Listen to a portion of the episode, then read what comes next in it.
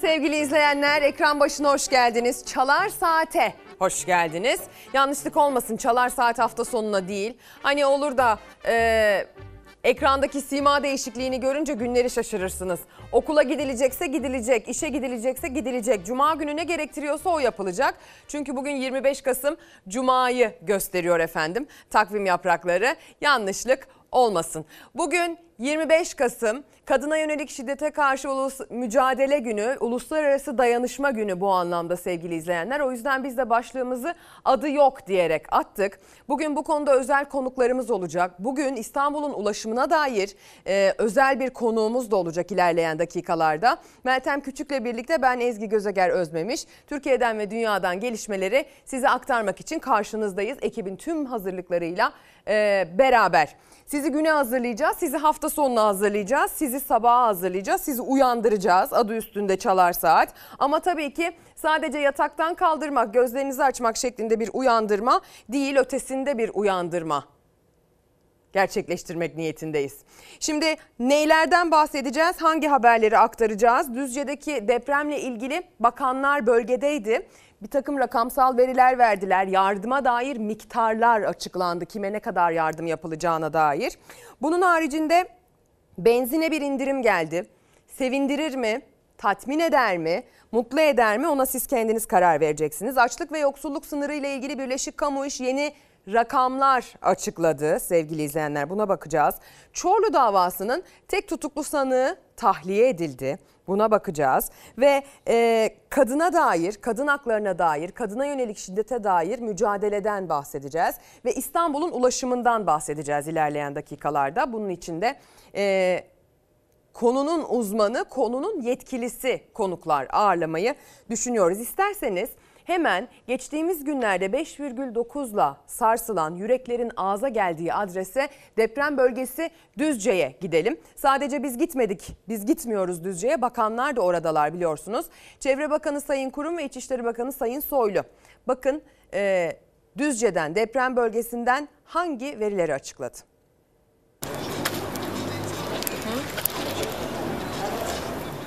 Yok uyuyamadık imkansız soğuk çünkü. Biraz önce eve girdik. Bir deprem daha geçirince evin içinde bu sefer hiç girmek istemedim tekrar. Çok korktum abi çıkamayacağız sandım evden. Ben buradayım bak tuttum seni çıkarttım. O anların korkusu dinmiyor. 5,9 büyüklüğündeki depremin ardından Düzce geceyi yine dışarıda geçirdi. Kimi ateş başında, kimi evinden hızla çıkarabildiği battaniyelere sarılarak parklarda, kimi ise bulabildiği çadırda uyudu.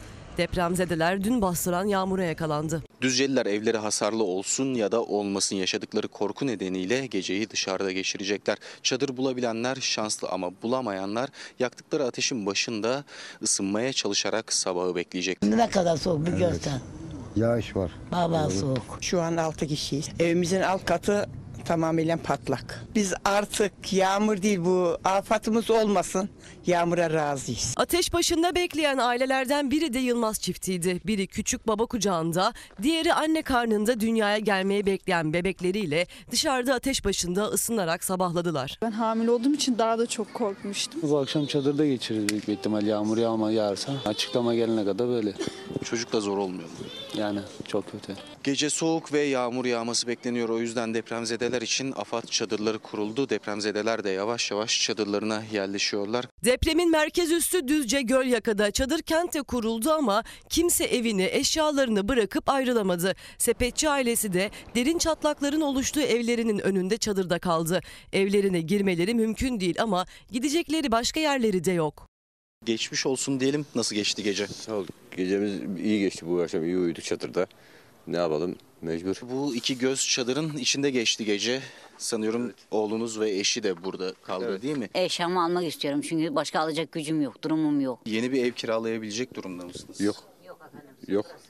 Sıfırız yani. Kış geçer mi bu çadırın içinde? Bugün hava soğudu, yarın daha soğuk olacak. Mümkün değil yani. Ne, nasıl yapacağız bilmiyoruz. Şu anda gitmeye yeri yok.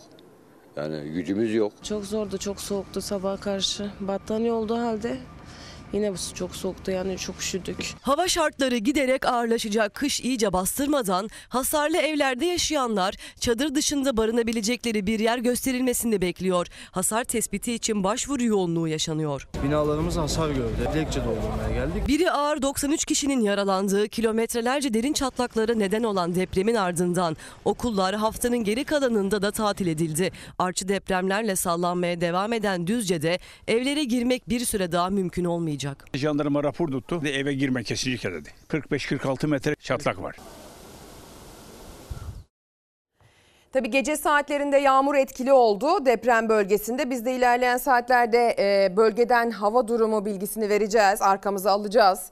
E, Türkiye'nin gökyüzü haritası ne söylüyor bakacağız. Ve özellikle de deprem bölgesi için şimdiden peşin peşin söyleyelim. Bugün itibariyle kuvvetli sağanak yağmur ihtimalinin yeniden kendini göstereceğini söyleyelim. Yani ilerleyen saatlerde hatta belki de şu saatler itibariyle bölgede yağışlar sürecek. Hatta kuvvetlenme aşırı sağanak şeklinde yer yer düşme riski de kendini gösterecek.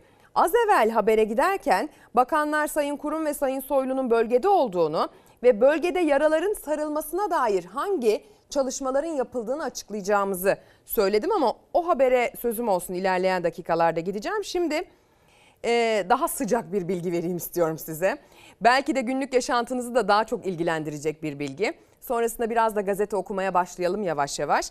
E, benzinden bahsedeceğiz sevgili izleyenler. Son 3 gündür özellikle dilimizden düşürmüyoruz.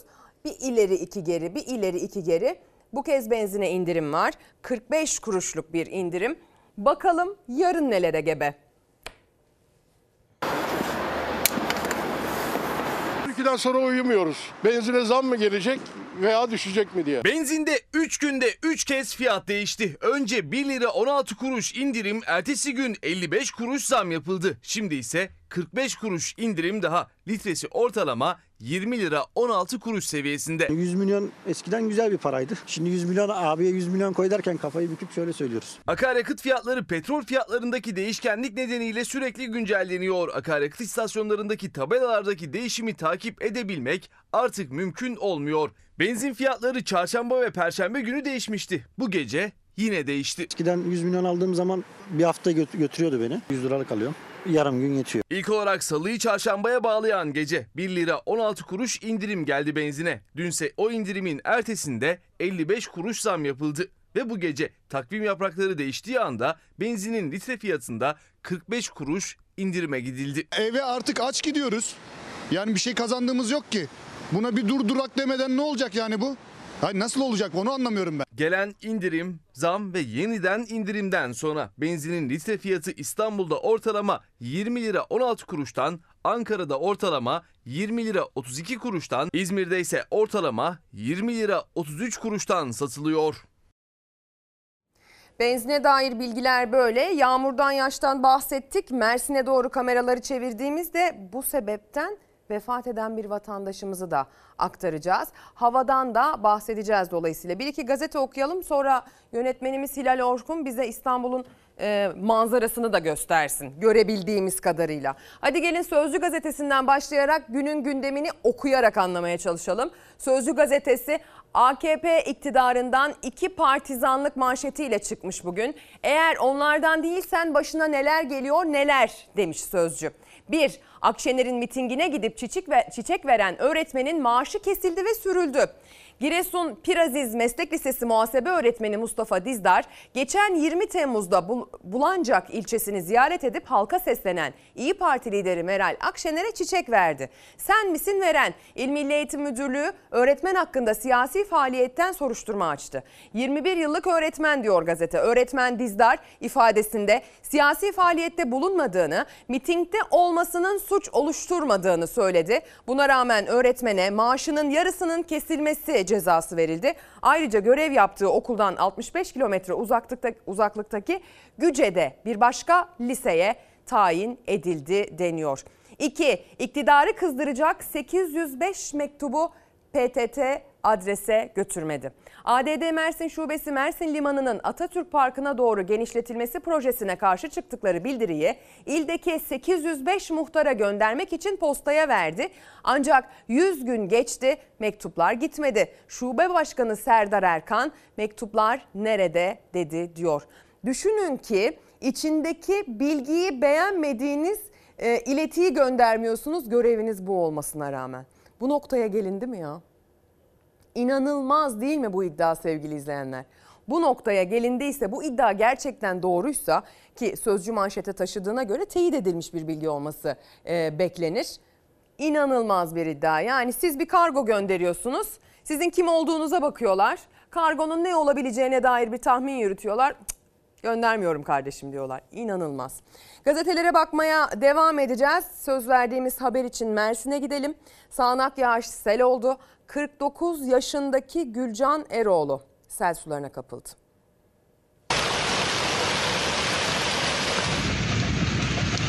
Aha aha köprü yıkıldı. Aha taşacak taşacak. Mersin'de iki gündür devam eden sağanak yağışlar seli beraberinde getirdi. Sel sularına kapılan bir kişi yaşamını yitirdi. Serkan yavaş yavaş. İki gündür aralıklarla devam eden sağanak yağışlar şiddetlendi. Su baskınları ve sele neden oldu. Erdemli ve Gülnar ilçesinde caddeler, sokaklar, birçok ev ve iş yeri sular altında kaldı. Su olduğu gibi içeri giriyor. 49 yaşındaki Gülcan Eroğlu o sırada Gülnar ilçesine bağlı Büyük Eceli mahallesinde ağaç kesim ekibiyle birlikte Karadere mevkiinde çadır kurmuştu. Sel suları bir anda ekibin bulunduğu bölgeyi bastı. Köprü yıkılacak bak şimdi. Güvenlikçiler nasıl kaçacak bak. Üç kişi selden kaçtı ancak Gülcan Eroğlu sel sularına kapıldı. Arkadaşlarını yanlarında göremeyen 3 kişi hemen AFAD ekiplerine haber verdi. Kurtarma ekipleri talihsiz kadının cansız bedenini dere yatağında buldu. Olayla ilgili soruşturma başlatıldı. Mesajlarınıza bakacağız sevgili izleyenler. Adı yok dedik bugün. Bugün adı yok derken tabii ki biraz kadına vurgu yaptığımız bir gün olacağı için 25 Kasım tarihi. Ee, o yüzden adı yok etiketini kullanmayı tercih ettik. Sizler de bize şimdiden mesajlar göndermeye başladınız. Çorlu'dan günaydın. Kadını kurtarmaya ne cezalar yetti ne kanunlar ne de hatırlatmaya çalıştığımız 25 Kasım günleri. Bugün kadınlar çok karanlık bir cümlede durmuş gibi diyor Sema Nur Saygın gönderdiği mesajda. Günaydın mesajları da gelmeye başladı. Ee, Doktor Aysel Yavuz benzin azıcık ucuzladı yarın e, çok daha pahalanır diye bir yorum göndermiş. E, depremzedelere Allah yardım etsin mesajları da geliyor sevgili izleyenler gerçekten öyle. Günün anlamı nedeniyle ekranda sizi görmek çok daha anlamlı oldu mesajını Can Kaynar da göndermiş. E, şimdilerde adı yok denilen kadının gerçek Türk toplumlarında Atatürk'ün Türkiye'sinde, Cumhuriyet Türkiye'sinde adı hep vardı. Bundan böyle de hep olacak diyor sevgili izleyenler. 3600 ek gösterge daha alt kadrolara verildiği halde şefrede verilmedi diye hatırlatıyor. Hayati Mıcık bir diğer mesajda Twitter ve Instagram üzerinden bize yazıyorsunuz. Alt satırda e, ev adreslerimiz diyebileceğimiz o gönderdiğiniz mesajları okuduğumuz adresler yer alıyor. Bir bakalım mı dışarıya?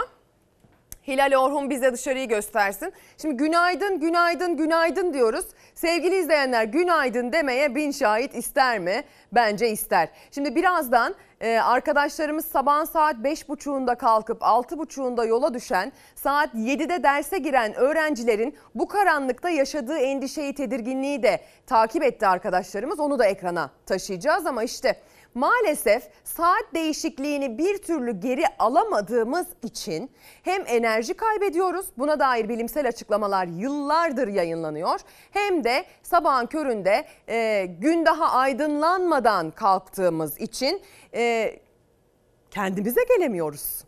Yani şu saat itibariyle kendimize gelemiyoruz. Evden çıksanız yolda korkuyorsunuz. Her yer karanlık. Yani Geçmişte bir bakan bunu yaptı. Sonrasında kimse yapılan işleme bir virgül dahi koymaya cesaret edemiyor mu yani?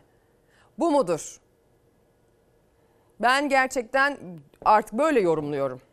Bu değişikliği yapan bakan aslında şu anda koltuğunda değil ama bakan e, şu anki Cumhurbaşkanının damadı olduğu için mi acaba?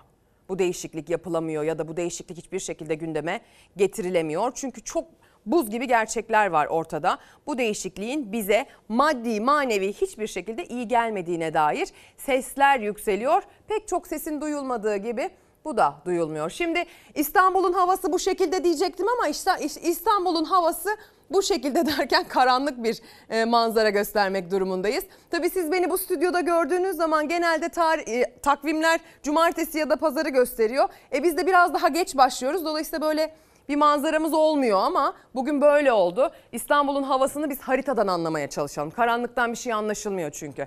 Bugün itibariyle baktığımızda İstanbul'un üzerindeki ikon bana hafif yağış ihtimalini gösteriyor. Bu hafif yağış ihtimali özellikle Anadolu yakasında geçerli olacak. Marmara'nın doğusuyla birlikte Batı Karadeniz'de bugün kuvvetli sağanak yağış ihtimali var.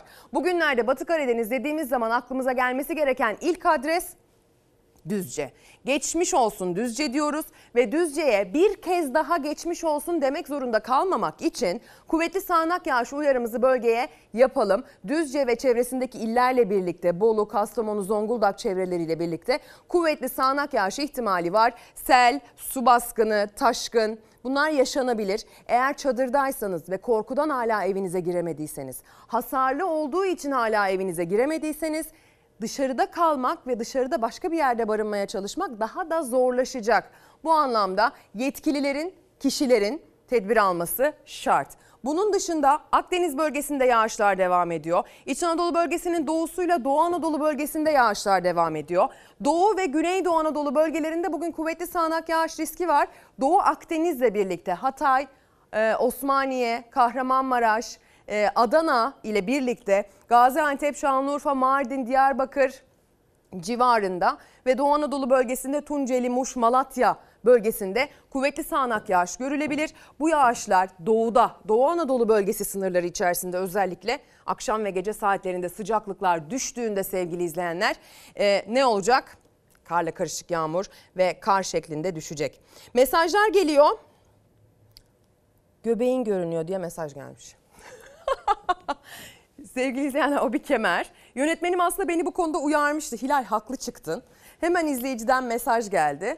Ama yani ben de şöyle olmak istiyorum. Ne yapayım? Merak etmeyin üstümüze başımıza sizin karşınıza çıkacağımız zaman ayrıca özen gösteriyoruz. Ee, size olan saygımızdan, işimize olan saygımızdan dolayı sevgili izleyenler. Hadi devam edelim. Neyle devam edeceğiz? Hemen bir o zaman gazetelere bakalım faiz karar haberine gitmeden önce. Faiz karar haberine gideceksek Karar Gazetesi'nin manşetinden faiz haberini okuyalım. Karar Gazetesi faiz tek hane, zamlar 3 hane manşetiyle çıktı bugün. Merkez Bankası üst üste dördüncü indirimle faizi 2 yıl sonra tek haneye çekti. Ancak faizle kağıt üstünde mücadele sürerken vergi ve cezalarda artış %123 oldu. Ehliyetten pasaporta kadar birçok kalemde yapılan 3 haneli zamlar enflasyonu düşürme vaatlerini de boşa çıkardı. Vatandaşın cebinden yiyen modele bu çelişki sistemin özeti yorumları yapıldı deniyor. Hadi gelin dün itibariyle aslında biraz malumun ilamı gibi olan faizle ilgili yapılan değişikliğe bakalım tepkileriyle birlikte. Faiz sebep, enflasyon neticedir. Geçen sene bu dönemlerde %19,5 olan enflasyon %85'in üzerine çıkmış. Dolara ne yapmışız bu politikayla? Geçen sene 8.8 TL'ymiş 10 lira birden arttırmışız. Merkez Bankası bir kez daha faiz indirimine gitti. Faizi tek haneye %9'a çekti. Faiz indirimleriyle başlayan süreçte ise enflasyon tırmandı. Üretici enflasyonu 3 haneye, gıda enflasyonu da 3 hane sınırına dayandı. Düşük faiz de bize düşük enflasyonu getirecektir. Cumhurbaşkanı Erdoğan'ın dediğinin tam tersini gözlüyoruz şu anda. Merkez Bankası faiz indiriyor, enflasyon artıyor. Olan halka oluyor yani herhangi bir indirim e, bankalarda bize yansımıyor. Faiz indirimi sonrası tüketici acaba bunun bize de bir faydası olur mu diye bankaların yolunu tutuyor. Çünkü ihtiyaç kredilerinde, taşıt kredilerinde ya da kredi kartlarının gecikme faizlerinde bir indirim var mı diye merak ediyor ama içeri giren boş çıkıyor. Çünkü bunlarda bir değişiklik genelde olmuyor. Eylül ayında ihtiyaç kredisi faizi %23.3'müş. bu sene Kasım ayında %30.9'a çıkıyor. Konut kredisinde de benzer bir eğilim var. Geçen sene Eylül ayında %17.9'muş. Bu sene 21.7'ye çıkmış. Taşıtta 22.5'muş geçen sene. Bu sene 25.5'a yükseliyor. Ağustos ayında başlatılan faiz indirim döngüsünün sonlandırılmasına karar verilmiştir. Ağustos 2021'de başladı faiz indirimleri %19'dan %9'a kadar düşürüldü. Merkez Bankası bu son dedi. Politika faizi düştükçe enflasyon da yükseldi döviz kuru da. Hem tüketiciler artık bankalara daha yüksek faiz ödüyor hem de devlet daha yüksek faizle borçlanıyor. Bütün ekonomistlerin üzerinde uzlaştığı bir nokta var. Faiz düşerse enflasyon artar. Kafası basmaz. Ben ekonomistim. TÜFE'ye endeksli veya dövize endeksli borç alıyorlar. 2021'in Eylül ayında devletin 1 trilyon 186 milyar lira iç borcu varmış. Bu sene bu iç borç 1 trilyon 800 milyar liraya çıkıyor. Dış borçta daha fena durum. Geçen sene 994 milyar TL kadar dış borcu varmış devletin. Bu sene bu rakam 2 trilyonun üzerine çıkıyor. Dolar kuru hızla artınca kur korumalı mevduat devreye girmişti Aralık ayında. Dövizi dizginlemeye yetmediği gibi bugüne dek yaklaşık 92 milyar lira para çıktı hazineden. En kötü senaryoda bile hazineye bir yük gelmiyor. 91,6 milyar lira destek ödemesi gerçekleştirmiş bulunmaktayız. Kur korumalı mevduat adı verilen muazzam bir yükü de omuzlamak zorunda kaldık. Hazineden yani herkesin cebinden milyarlarca lira çıkarken enflasyon ve döviz en yüksek seviyelerindeyken Hazine ve Maliye Bakanı Nurettin Nebati bir kez daha ekonomi modeliyle övündü. Türkiye ekonomi modelinin sayesinde ardı ardına rekorlar kırmayı da başardık. Enflasyonda da rekor kırılıyor mesela. Yani dolar da rekor kırıyor. İç borcu da rekor kırıyor devletin. Dış borcu da rekor kırıyor. İthalatın rekor kırdığını söylemeden ihracatın rekor kırdığı söyleniyor. Diyor Ozan Gündoğdu sevgili izleyenler. Zaten dediğimiz gibi artık malumun ilamı gibi. Bu sayılar sizi ne kadar ilgilendiriyor? Bu oranlar sizi ne kadar ilgilendiriyor? Çok emin değilim açıkçası. İşsizlik rakamları açıklanıyor, işte enflasyon verileri açıklanıyor. Güven duygumuzun kırık olduğunu tahmin ettiğim için bu sayılarla da aslında kitlesel olarak çok ilgilenmediğimizi e, düşünmeye başladım. Şimdi biz yakından ilgileniyoruz. Mesleki olarak yakından takip ediyoruz ister istemez. Hem daha önceki yılların verdiği alışkanlıkla takip etmeye devam ediyorsun. Hem de aynı zamanda bir rakam, rakamsal veri açıklandığında resmi bir kurum tarafından e, siz de haberinizi bir takım referanslara dayandırarak yapmak zorunda olduğunuz için hani teyitli bilgiyle, referanslı bilgiyle, altyapıyla yapmak durumunda olduğunuz için biz de onlara e, dayandırarak bir takım kıyaslamaları, bir takım soruları soruyoruz sevgili izleyenler. Ama e, bu faiz oranları mı sizi daha çok ilgilendiriyor? Yoksa pazar arabasını doldururken geçen yıl kaç lira harcadığınızla bu yıl kaç lira harcadığınız arasındaki fark mı sizi daha çok ilgilendiriyor? Ee, çok emin olamıyorum. Yani bu işin hani makrosu mikrosu var ya ekonominin. Sanki artık biz mikronun da mikrosunun peşinden koşar durumda olduğumuz için onlar bizi daha çok ilgilendiriyor gibi geliyor bana. Biz derken kendimi de size katarak söylüyorum. Çünkü gerçekten öyle. Ben dün e, içinde temizlik malzemesi de olan e, bir market alışverişi yaptım. Böyle bildiğiniz mahalle marketi yani zincir market de değil. Her zaman gittiğim, tanış olduğum markete gittim. Ee, merkez denilebilecek bir semtte oturuyorum İstanbul'da. Onun da altını çizeyim çünkü o da fark ediyor sevgili izleyenler. Yani e, biraz daha şehrin çeperlerine doğru gittiğinizde küçük farklar, küçük farklar ama ben gene de bahsetmiş olayım. E, 850 lira market parası ödedim. Et yok içinde. Ee, yağ yok. Yağ satın almıyorum. Ee, temizlik malzemesi var. Biraz temizlik malzemesi var. Biraz da böyle işte ne var? Peynir var. Ee, zeytin yok, ekmek var, yumurta var.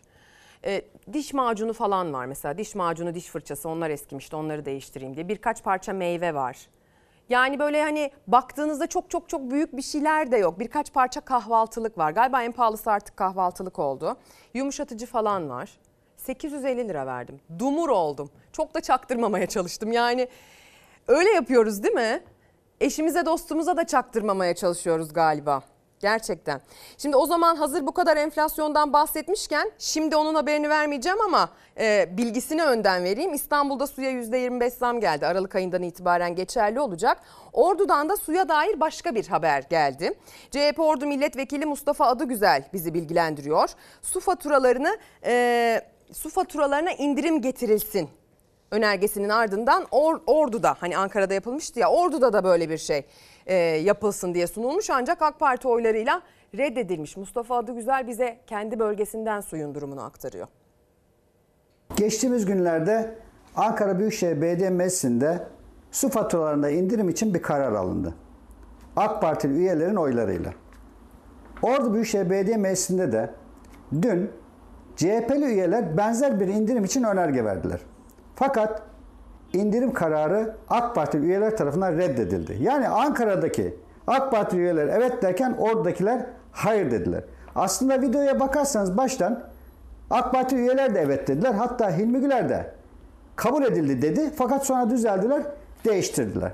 Yani Ankaralı'nın ucuz su kullanma hakkı var da Ordu'nun yok mu? Mesele bununla da kalmadı. Hem Haziran ayında Ordu'da su faturalarına zam yaptılar. Şimdi bir de borçlu abonelere haciz gönderiyorlar. Yani Ankara'da suyu ucuzlatırken Ordu'daki belediye hem suya zam yapıyor, ucuzlama yapmadığı gibi bir de millete AK Partili avukatlar para kazansın diye haciz gönderiyor. Hilmi Güler'in incileri bununla da kalmıyor. Belediye meclis üyesi arkadaşımız soruyor. Bu kadar borç var ne yapacaksınız? Diyor ki ben belediyenin 100 tane iş makinesini satsam 2 milyon liradan 200 milyon lira yapar. İşte bu borçların faizleri silinir. Yani belediyenin bütün araçlarını satıp da borçlarının faizini silme e, fikrini ilan eden bir belediye başkanından bahsediyoruz. Böyle bir durum söz konusu. Birazdan mesajlarınıza da bakacağım. İstanbul'da yaşayanlar bakalım %25'e ne diyecekler? Aralıktan itibaren geçerli olacak. Daha günümüz aymadı. Hilal'cim birazcık bir açılma var şu saat itibariyle. Şimdi ben Yıllardır bu saatlerde kalkıp çalışıyorum ama bu saatlerde yayın yapmayalı çok uzun zaman olmuştu. Dolayısıyla bunu böyle an be an takip etmek gerçekten biraz da hoşuma gitti. Ama keşke bunu takip etmek zorunda kalmasak. Yani keşke gün doğumunu e, diğer dünya ülkeleriyle daha birbirine yakın saatlerde hem ekonomik olarak hem de biyolojik insanın biyolojik saati açısından daha uyumlu saatlerde karşılasak günü. Öyle değil mi? Hadi gelin biraz gazete okuyalım. Yönetmenimin de sürekli kafasını karıştırıyorum. Bir manzara ver diyorum, bir gazete ver diyorum Hilal'cim. Teşekkür ediyorum. Şimdi Yeni Çağ Gazetesi'ne bakacağız. Yeni Çağ Gazetesi'nin şöyle büyüyecek sayfasına baktığımızda aslında bu %123 yılbaşı hediyesi gibi bir detayla böyle bir manşetle çıkmış ama benim burada ilgilendiğim nokta aslında bu depremzedelerle ilgili verdiği sür manşetten detay. Halk eve girmeye korkuyor başlığı atılmış. AFAD Düzce Gölkaya'daki 5,9 büyüklüğündeki depremden sonra 180 artçı sarsıntının meydana geldiğini açıkladı. Depremin ardından evlerine girmeye korkan vatandaşlar çadırlarda kalmaya devam ediyor. AFAD ekiplerince toplanma alanlarına çadırlar yerleştirildi denmiş. Kuş bakışı e, o çadır alanının da görüntüsü Yeni Çağın sürmanşetinden bugün kendine yer bulmuş. Şimdi az evvel sözünü verdiğim haberle devam edeceğim. Devlet depremzedelere yardım ediyor. Ee, olması gerektiği şekilde ilerliyor süreç aslına bakarsanız. Ama olması gerektiği şekilde ilerlemeyen devletin yardım etmesine gerek kalmasın diye önceden yapılması gerekenler. Her zaman burada meteorolojik bir afet olduğunda, sel su baskını, taşkın olduğunda ya da bir depremle karşı karşıya geldiğimizdeki Maalesef bunu da hiç öyle seyrek yaşamıyoruz. Sık sık yaşıyoruz. Diyoruz ki afet yönetiminin iki aşaması vardır. Hani biz hep ikinci aşamayı görüyoruz ya sel bölgesinde sarı çizmelerle gezen böyle siyasetçilerimiz vatandaşlarla halleşiyorlar. İşte ne kadar para yardımı, ne kadar eşya yardımı bundan bahsediyorlar. Biz hep o ikinci aşamayı görüyoruz. Onun bir de ilk aşaması var. Orada mesela bilim insanları devreye giriyor.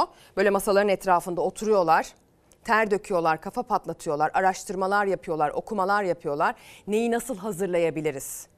Nereyi e, hangi önlemle selden, hangi önlemle taşkından, hangi önlemle depremde bina altında kalmaktan kurtarabiliriz diye bölgesel ihtiyaca binaen çalışmalar yapıyorlar. Ona da risk azaltma deniyor. Bizde o yok. Bizim en sevdiğimiz sonrasında sarı çizmeli siyasetçi görme kısmı. Ee, şimdi siyasetçilerimizden devam edeceğiz. İki bakan bölgedeler, bölgedeki depremzedelerle ilgili ve bölgedeki hasarın bilançosuyla ilgili rakamsal veriler aktaracaklar.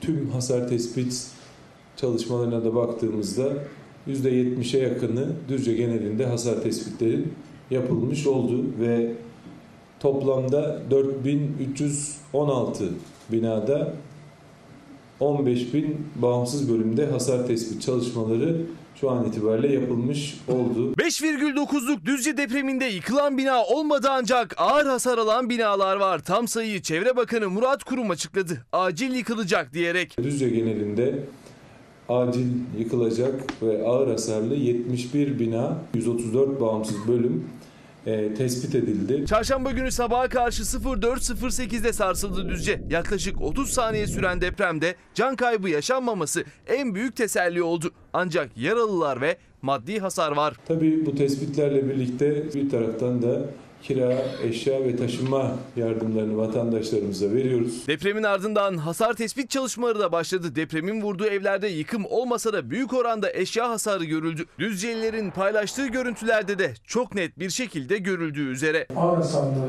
konutlarımız var. Ağır hasarlı konutlarda eğer eşyasını almadan çıkıyorsa yani içerisine girilemeyecek bir odaysa 90 bin liraya kadar eşya yardımı yapacağız. İçişleri Bakanı Süleyman Soylu eşya yardımı da yapılacağını söyledi. Tespit komisyonunun çalışmalara başladığını. Özellikle eşya hasarları fazla. Eşya hasarları için biz bir tespit komisyonu oluşturduk. Bu eşya hasarlarının da tazmini için komisyonun tespiti üzerine bu ne kadarsa karşılamış olacak. Sadece hasar yardımı değil taşıma yardımı da yapılacak depremzedelere. Ev sahiplerine 30 bin, kiracılara 15 bin liraya kadar. 30 bin lira kira yardımı ve taşıma yardımı gerçekleştireceğiz. Eğer ağır hasarlı konutlardan kiracılar varsa burada 15 bin liraya kadar taşıma e, yardımı gerçekleştireceğiz.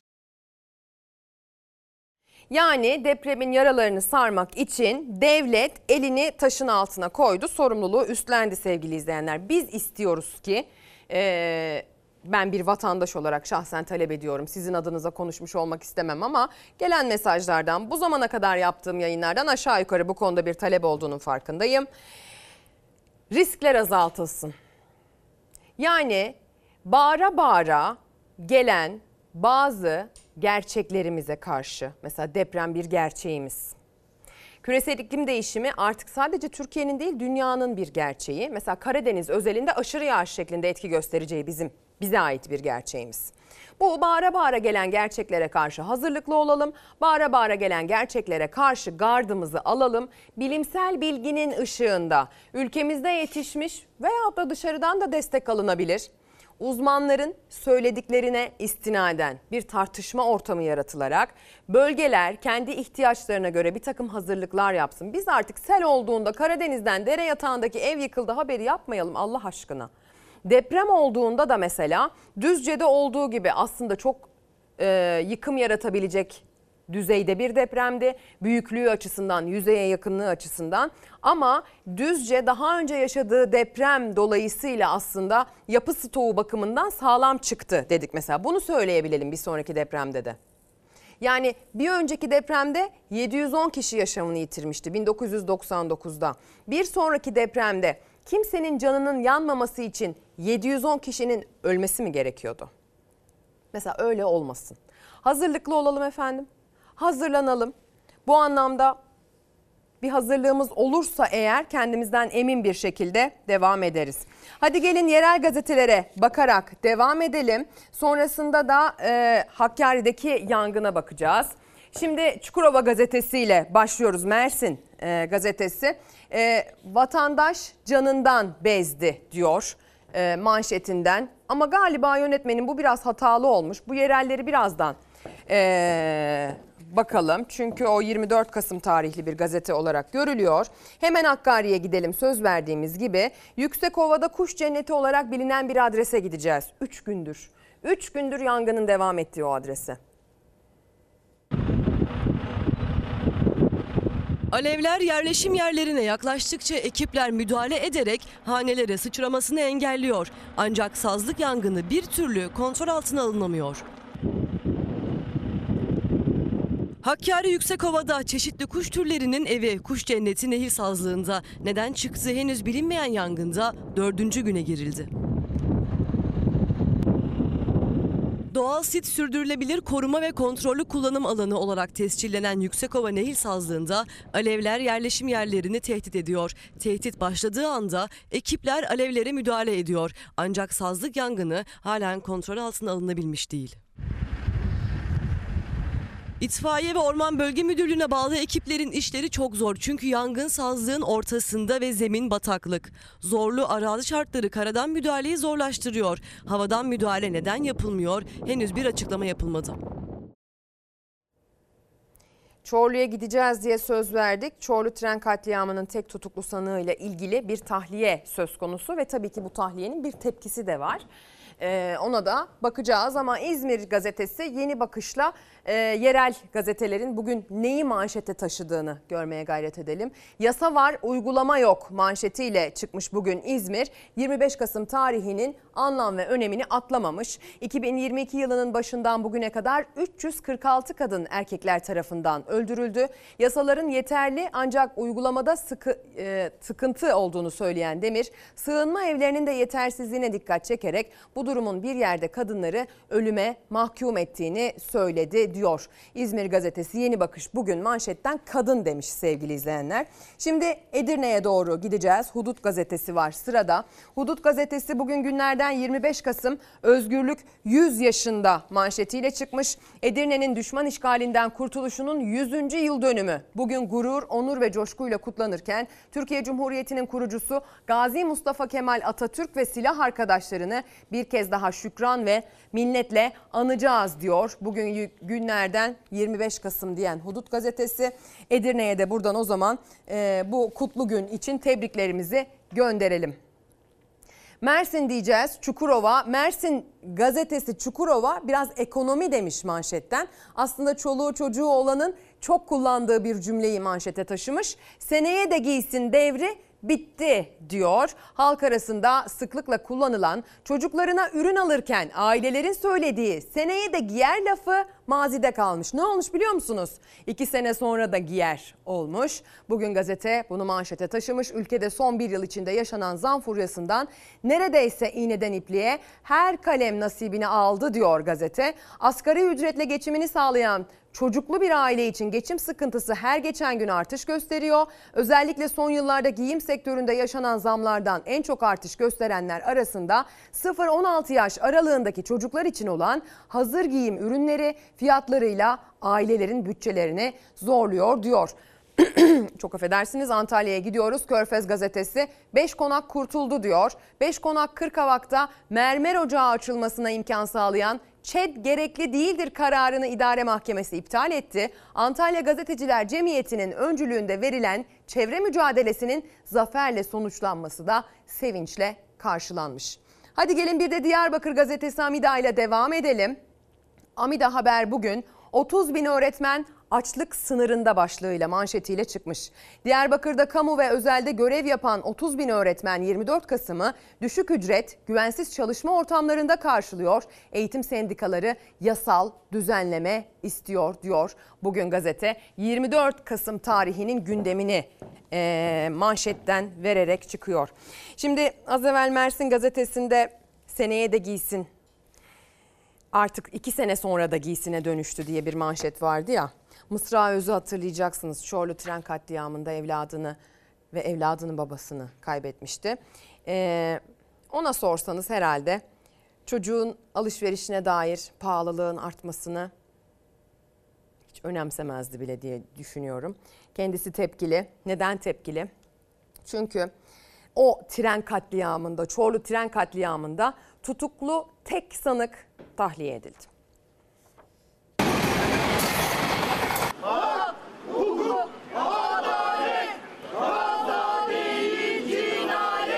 Çorlu tren faciasının 4. yılında 11. duruşmada gelmişti ilk tutuklama. Davanın tek tutuklu sanığı yapılan itiraz sonrası tahliye edildi. Karara faciada yaşamını yitiren Oğuz Ardasel'in annesi Mısra Öz isyan etti. 25 kişinin ölümüne 5 yıl sonra bir kişiyi zoraki tutukladınız. Bir sonraki celseye kadar bile sürmedi. 8 Temmuz 2018'de yaşanan Çorlu tren katliamında 7'si çocuk 25 kişi yaşamını yitirdi. 300'den fazla kişi ise yaralandı. O günden bu yana aileler hukuk mücadelesini hiç bırakmadı. Çorlu tren katliamı davası aslında biz aileler için yeni başlıyor. Görülen Çorlu davasında 4 yıl sonra 11. duruşmada ilk tutuklama geldi. TCDD 1. Bölge Demiryolu Eski Bakım Müdürü Mümin Karasu 10 Ekim'de mahkemenin verdiği tutuklama kararından 5 gün sonra bilinçli taksirle birden fazla kişinin ölümüne ve yaralanmasına sebebiyet suçundan tutuklandı.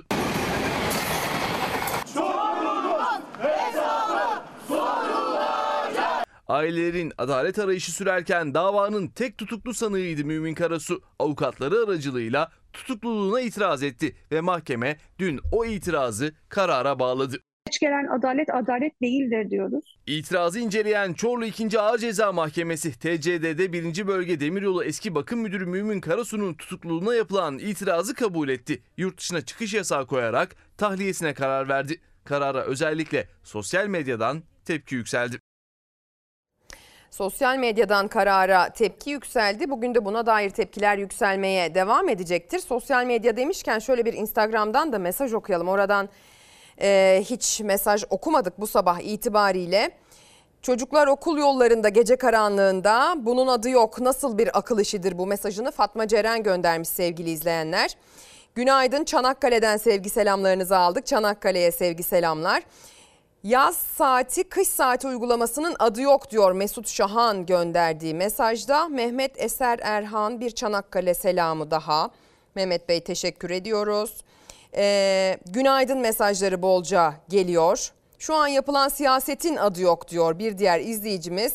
Bu beyaz diye iddia eden lider e, ertesi gün bu siyah diyebiliyor demiş. Siyasetteki U dönüşleri geçtiğimiz haftanın gündemiydi. Aslında Türkiye siyasetinde U dönüşler her zaman için gündem ama özellikle iktidar cephesinin U dönüşlerinin frekansı azaldı. Yani mesela birkaç yılda bir yapılan U dönüşleri birkaç haftaya düştü sevgili izleyenler. Bir hafta e, A denen şey öbür hafta hayır A değil şeklinde düzeltilebiliyor. Bunu Devlet Bahçeli'nin mesela HDP'ye yönelik açıklamalarında da gördük geçtiğimiz günlerde. En son ve en akılda kalıcı örneklerinden biri de Cumhurbaşkanı Erdoğan'ın Sisi ile el sıkışması oldu biliyorsunuz. Böyle normal bir el sıkışma da değil böyle bir el kucaklaşması şeklinde gerçekleşen bir U dönüşüydü. O da çokça konuşuldu.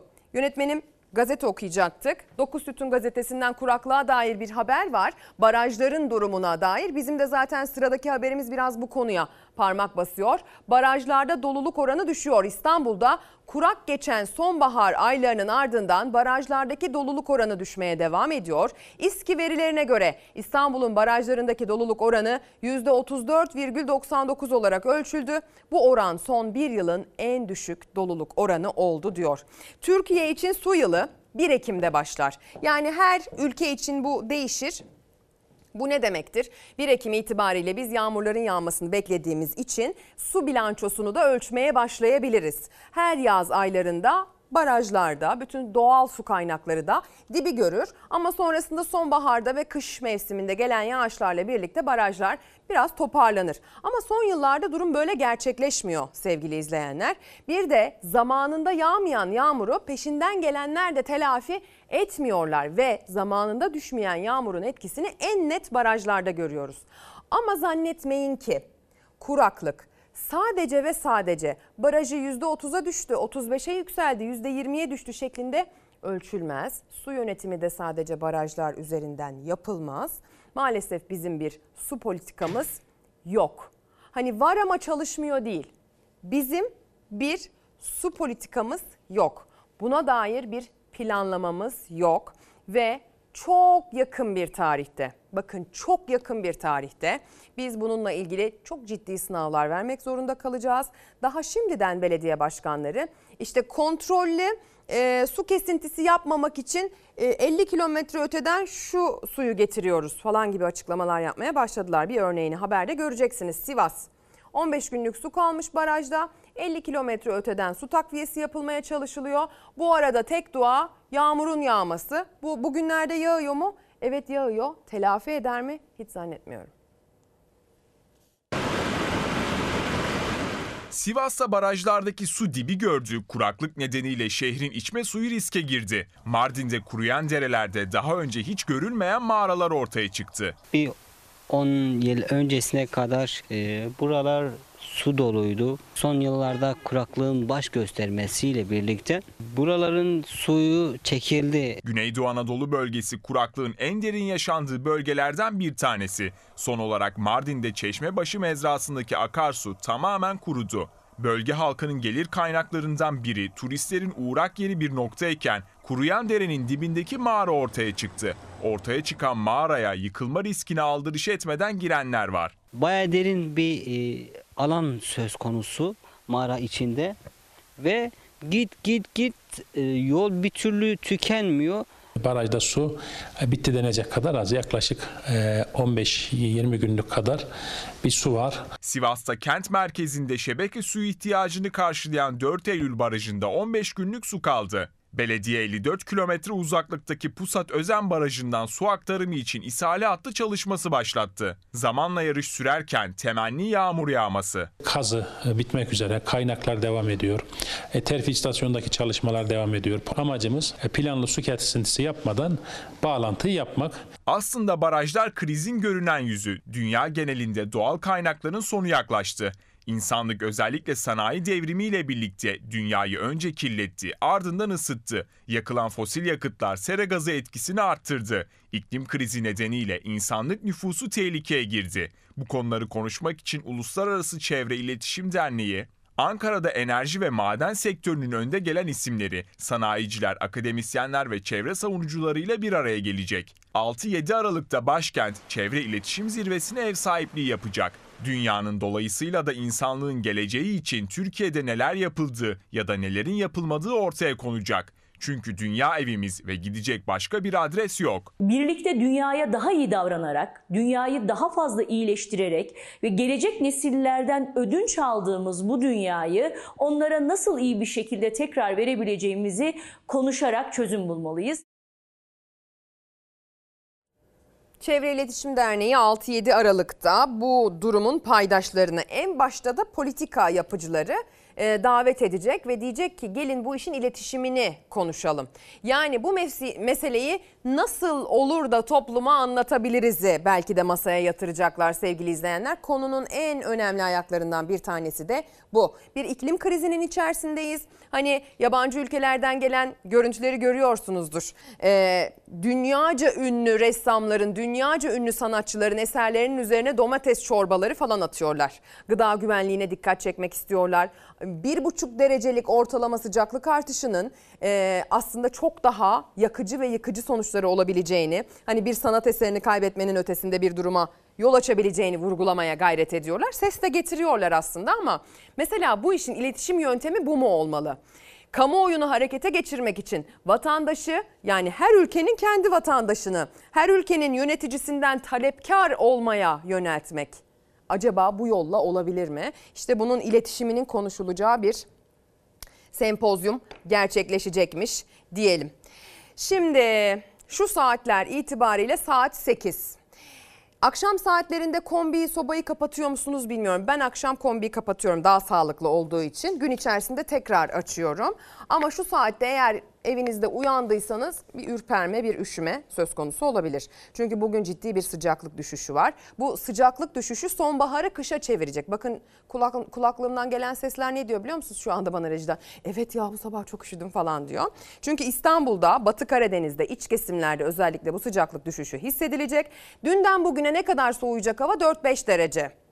Cumartesi Pazar hadi yine dahil edebiliriz. Kış tadında geçecek. Pazar 1-2 derece. Pazartesi 1-2 derece. Termometreler yeniden tırmanışa geçecek ama e, daha fazla üşüyeceğimiz birkaç günün içerisinde olacağız. Doğu zaten donuyor belirli bir süredir kendi normalleri içerisinde. Ben batıdan ve iç kesimlerden bahsediyorum. E, yani aslında sobaysa da kombi ise de daha fazla tüketime ihtiyacımız olacağız, olacak aylar içerisinde daha da olacak.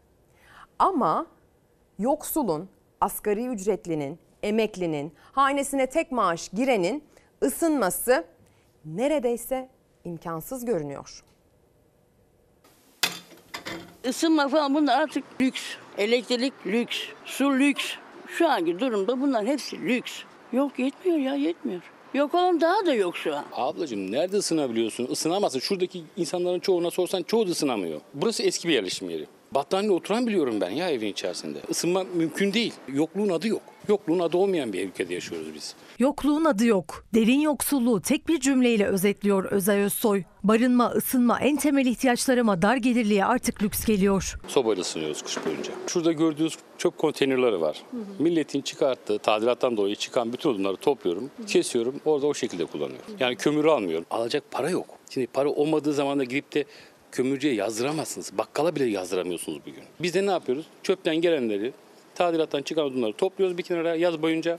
Kış boyunca da onları kesip yakıyoruz. 47 yaşında iki çocuk babası yaz boyunca çöp kenarlarından topladığı tahta parçalarıyla geçiriyor kışı. Çünkü odun ya da kömür almaya bütçesi el vermiyor. Kış artık kendini iyiden iyiye hissettirmeye başladı. Dar gelirli kışın odunla kömürle ısınıyor ancak bu kış o da çok zor. Çünkü fiyatları çok pahalı. Onun yerine yazdan toplanan kartonlarla, tahta parçalarıyla ve sebze meyve kasalarıyla ısınacaklar bu kış. En son sordum öyle bir şeyi. 300 dedi torbaya. Net cevap alınamıyor yok kardeşim. Boğaza getiremiyoruz. Isınma falan onu da geçtik artık. Battaniye altı. Ya ben bilirim ki kapıları yakan insanlar bilirim yani. Olamayınca. Kredi kartlarına batığız. Evim kira değil. Eşim çalışıyor. Gündelik olsa da ben de çalışıyorum. Ama biz yetiştiremiyoruz. Kış geliyor. Daha yeni odunları kestim. Üstüm başımı değiştirmeden işte siz geldiniz. Aldığım para kesinlikle ve kesinlikle yetmiyor ve her ay pazardan o çantayı daha az doldurarak geliyorum. Isınmak lüks haline gelirken her güne en temel ihtiyaçlarını nasıl karşılayacağını düşünerek başlıyor dar gelirli. Gelen zamlarla ısınmanın maliyeti katlanıyor. Çalışıyorsun ama kazanamıyorsun. Ben 47 yaşındayım. Böyle durum ben görmedim. ya. İnsanlar boğazından geçtiği lokmaya şükrediyor artık. Bir süreç var. O süreç içerisinde hiç huh, şükür olsun demedim. Diyemedim. Ben her zaman işçiydim. Çalmadım, çırpmadım. İnşaatlarda amelilik de yaptım. Ama çalmadım, çırpmadım. Alamadım, param olmadı. İki tane çocuk var evde. Kıstığın zaman çocuk hastaneye götüreceksin. Ne yapacağız bilmiyorum.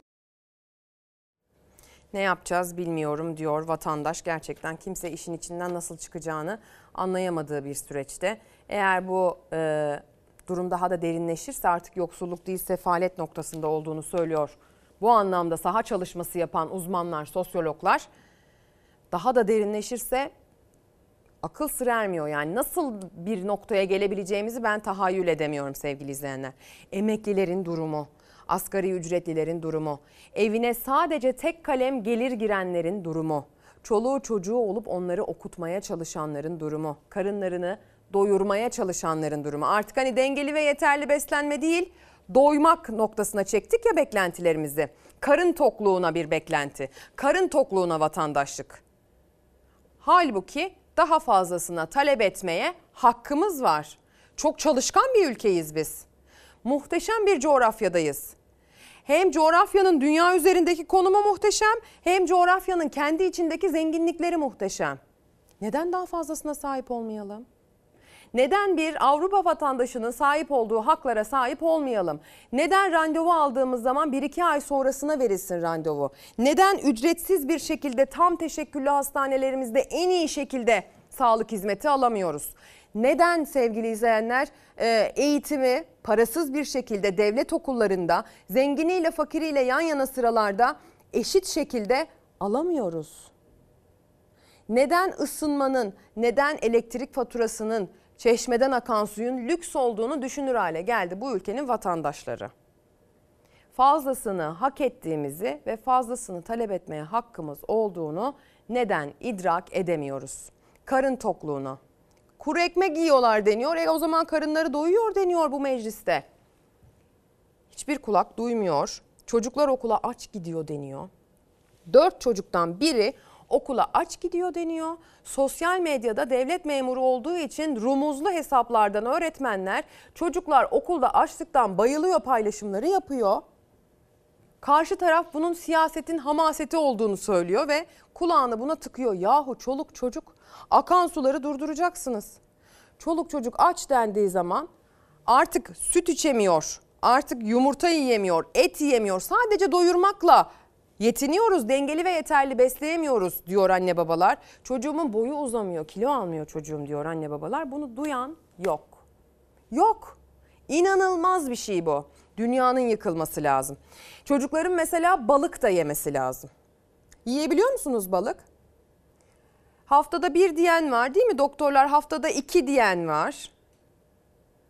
Yani e, satın almak imkansız. Bu aralar deniz bereketli.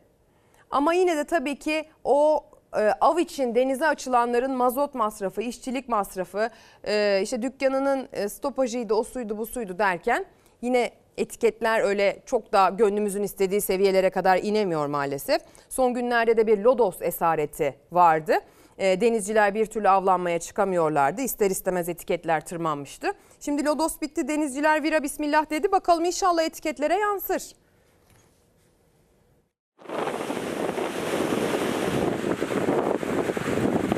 Lodos esareti bitti. Şiddetli rüzgar nedeniyle denize çıkamayan balıkçılar geçen 3 günün ardından ağ attı. Tekirdağ'ın Süleymanpaşa ilçesinde bir haftadır etkisini sürdürüyor Lodos. Lodos nedeniyle dalgaların yüksekliği yer yer 5 metreyi bulurken Tekirdağ limanına yanaşacak olan yük gemileri de açıkta demirledi. Rüzgarın etkisinin hafiflemesinin ardından hazırlıklarını yapan balıkçı esnafı rastgele dedi. Lodosların esmesiyle biz de bayağı bir mağdur durumda kaldık. Denize çıkamadık. Biraz da sağlığımızdan bahsedeceğiz. Sağlıktan bahsederken hemen söyleyeyim Plan Bütçe Komisyonu'nda sıra Sağlık Bakanlığı'na geldi sevgili izleyenler. Sağlık Bakanlığı görüşmelerinde en çok dikkat çeken detayları size aktaracağız. Dün akşam ana haberde de izleme şansınız oldu. Tabii sağlık dendiği zaman, hastane, doktor dendiği zaman çok fazla tartıştığımız konu başlığı var. Örneğin ülkeyi terk etmeye kendini mecbur hisseden, ülkeyi terk etmeye mecbur bırakılan doktorlarımızdan uzun uzun bahsettik geçtiğimiz aylar içerisinde. Bu yıl biliyorsunuz onların e, rekor kırdı gitmek isteyenlerin sayısı.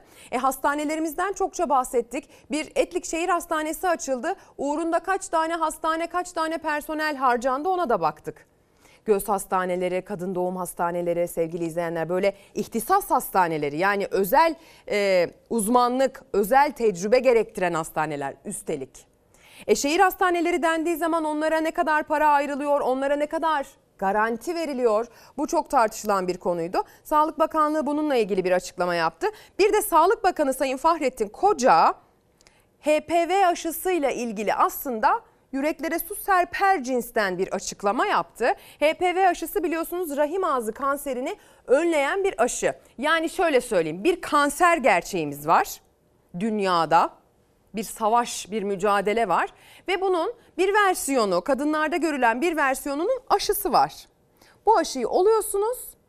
Kanser yani o kanseri olma ihtimaliniz çok düşüyor. Çok çok çok düşüyor. Hatta neredeyse engelleniyor ve deniyor ki pek çok ülke bu aşıyı kadınlara, kız çocuklarına ücretsiz yapıyor. Biz de yapalım diyorlar. Eczacılar bu anlamda, e, doktorlar kampanyalar yürütüyorlar, siyasiler ses yükseltiyorlar. Belirlenen bir grupta aşılamaya başlayacağımızı ve bu kapsamın kademe kademe genişletileceğini ifade etmek isterim dedi Fahrettin Koca. Yani ücretsiz aşı kampanyası yürüten pek çok isimden de müjde şeklinde yorumları geldi bu açıklamanın. HPV rahim ağzı kanserini engelleyen e, aşının yavaş yavaş ücretsiz uygulanmaya başlayacağını söylüyor Sayın Bakan. Şimdi bakanın bahsettiği e, şehir hastanesi mevzusuna geleceğim ama madem kanser dedik buradan devam edelim. Bir kanser türü bu sadece kadınlarda değil hem erkeklerde hem kadınlarda. Hem de e, en beterlerinden bir tanesi akciğer kanseri. Akciğer kanseri ile ilgili e, Tabii ki akla ilk ne geliyor akciğer kanseri dendiğinde? Tabii her sigara içen olmuyor ama bazen sigara içmeyenlerin de başına geliyor. Sigara kullanımı akla geliyor. Hava kirliliği akla geliyor sevgili izleyenler. Ama her kanser türünde olduğu gibi tedbir almanın önemli olduğu kadar erken teşhisin de bu türde önemli olduğu söyleniyor.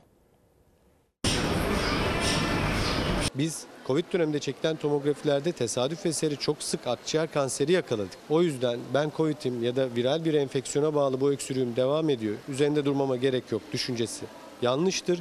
İki haftadan daha uzun süre devam eden bir öksürükte mutlaka bir hekimle bu durumu değerlendirmekte fayda var. Akciğer kanserinin görülme sıklığı arttı. Tüm kanserler arasında %18'e yaklaştı. Son yıllarda üst solunum yolu ya da Covid sonrası devam eden şikayetler dikkate alınmıyor. Bu da hastalığın teşhisini geciktiriyor. Ölüm oranlarına baktığımızda akciğer kanseri tüm kanserler arasında ilk sırada yer alıyor. Soğuk algınlığı geçirdim ya da işte yere kapıldım o yüzden böyle ağrım var diyebiliyoruz ama geçmeyen ısrarcı bir göğüs ağrısında kol ağrısı, omuz ağrısı, göz kapağı düşüklüğü, ses kısıklığı bunlar ısrarla devam ediyorsa çok hızlı hekime başvurmak lazım. 2020 verilerine göre Türkiye'de her yıl 41 bin yeni vaka görülüyor. Bu vakaların yarısı ileri evre akciğer kanseri. En önemli sebebi sigara ve hava kirliliği. Göğüs cerrahisi uzmanı doçent doktor Erkan Kaba'ya göre erken evrede tedavi şansı çok daha fazla. Erken evrede özellikle bazen sadece cerrahi ile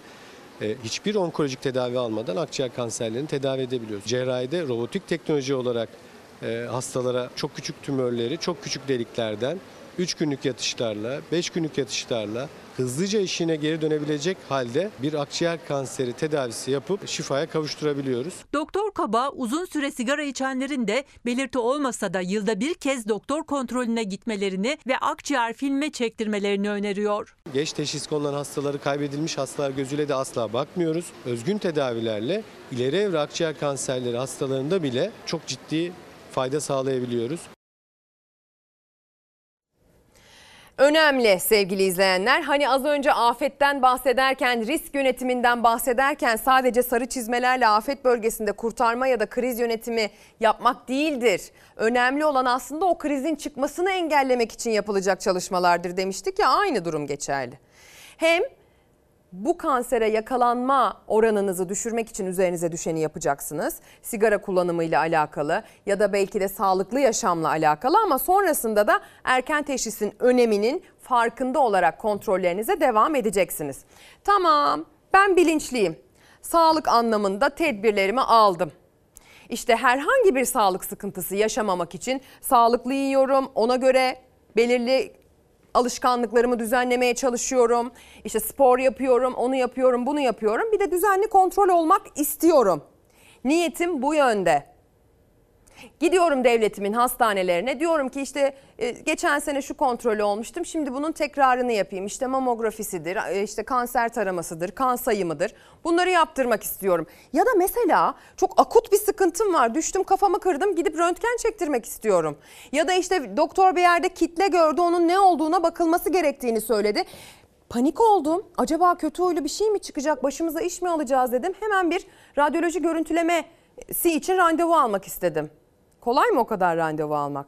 Öznur Aslan'la Çağlar Güler İstanbul'da e, bir hastaneden görüntüleme hizmeti alabilmenin ne kadar zor olduğunu geceden sabaha nöbetlemek suretiyle bakın nasıl ekrana taşıyorlar.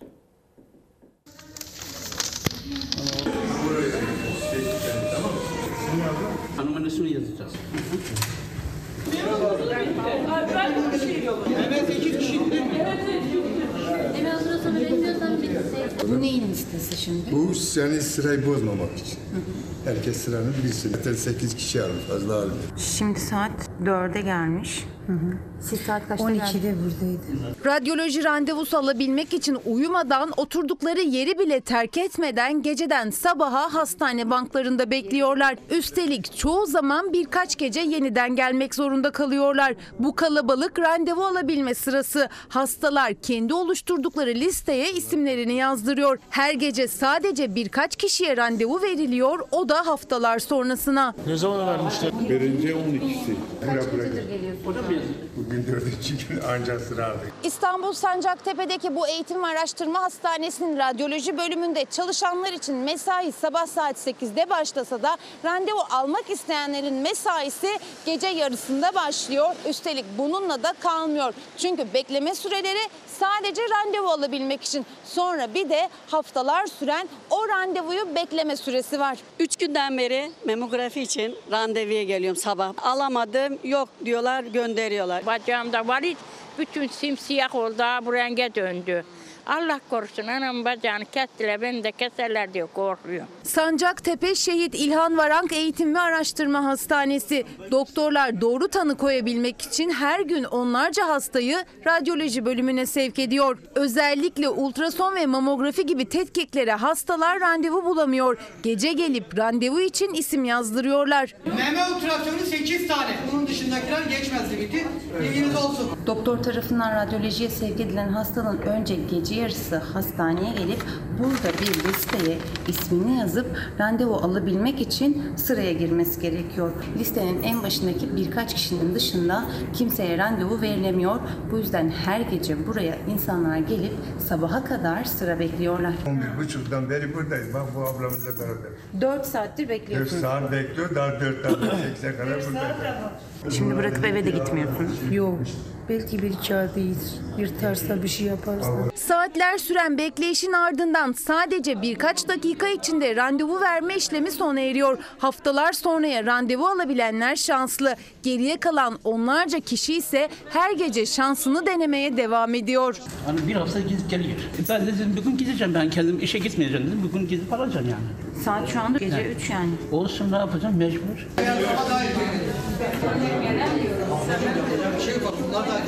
Üç gün geleni vardır. Son. Diyor ki 5 Vermiyorlar. İki kişi kimse o alır. Onun dışında kimse alamıyor. Baksanıza çıkan kavgalara. Bir tane e, mikrofon uzattığımız hanımefendi ne dedi? Bekliyorum çünkü ya kağıdı yırtıp atarlarsa dedi. Yönetmenim Hilal'in de aynı noktada yüreği cız etmiş. Benim de aynı noktada gerçekten yüreğim cız etmişti. Sadece randevuyu alabilmek için böyle sabahlıyorsunuz belki birkaç defa. Yani belki değil kesin birkaç defa. Öyle ilk seferine gidip randevu alabilen çok az anladığım kadarıyla. E sonrasında bir de randevunun kendisi için de gideceksiniz.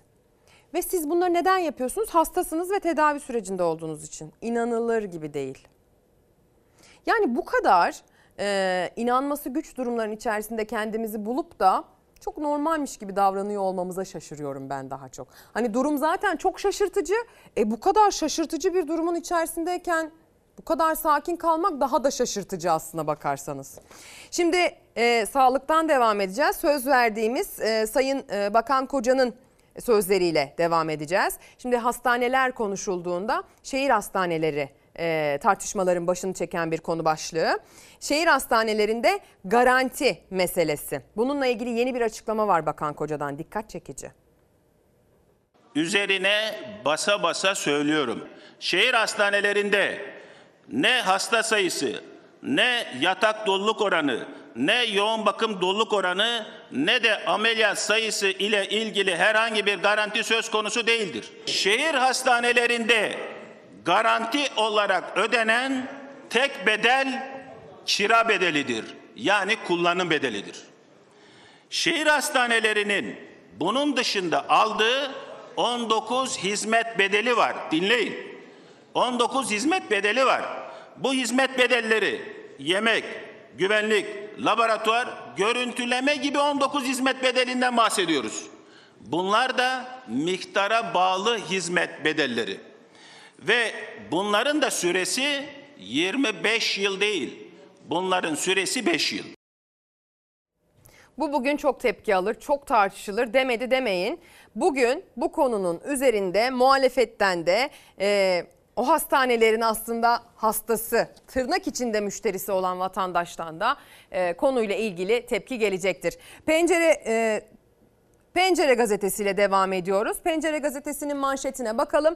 Erken seçim havası denmiş. Bir takım takvimler söz konusu sevgili izleyenler. Biliyorsunuz 18 Haziran tarihi üzerinde çok durulan bir tarihti. Seçim tarihi olma ihtimali yüzünden yapılan hesaplamayla aslında yasalara bakılarak yapılan hesaplamayla 18 Haziran'a tekabül ediyordu. Ama gelin görün ki o tarihte üniversite sınavı yapılacağı anlaşıldı. Hem ÖSYM'nin sınav takvimi hem de AK Parti'nin milletvekili olacaklarla ilgili istifa takvimi seçimin erkene alınması ihtimalini güçlendirdi. ÖSYM üniversite sınavlarının 17-18 Haziran haftasında yapılacağını duyurdu. Bu takvim değişmezse o hafta seçim olmayacağı anlamını taşıyor. Anayasa gereği seçim sonraki haftaya yapılamayacağına göre erkene çekilmesinden başka ihtimal kalmıyor. Bu ihtimali güçlendiren bir başka gelişme de AK Parti'nin teşkilatına gönderdiği istifa takvimi. Genel merkez aday olacaklardan Aralık sonuna kadar istifa etmelerini istedi. Yani aslında istifa takvimi Aralık diyor. Aralık sonu diyor. Yani 2023'e varmadan bu gerçekleşmeli diyor.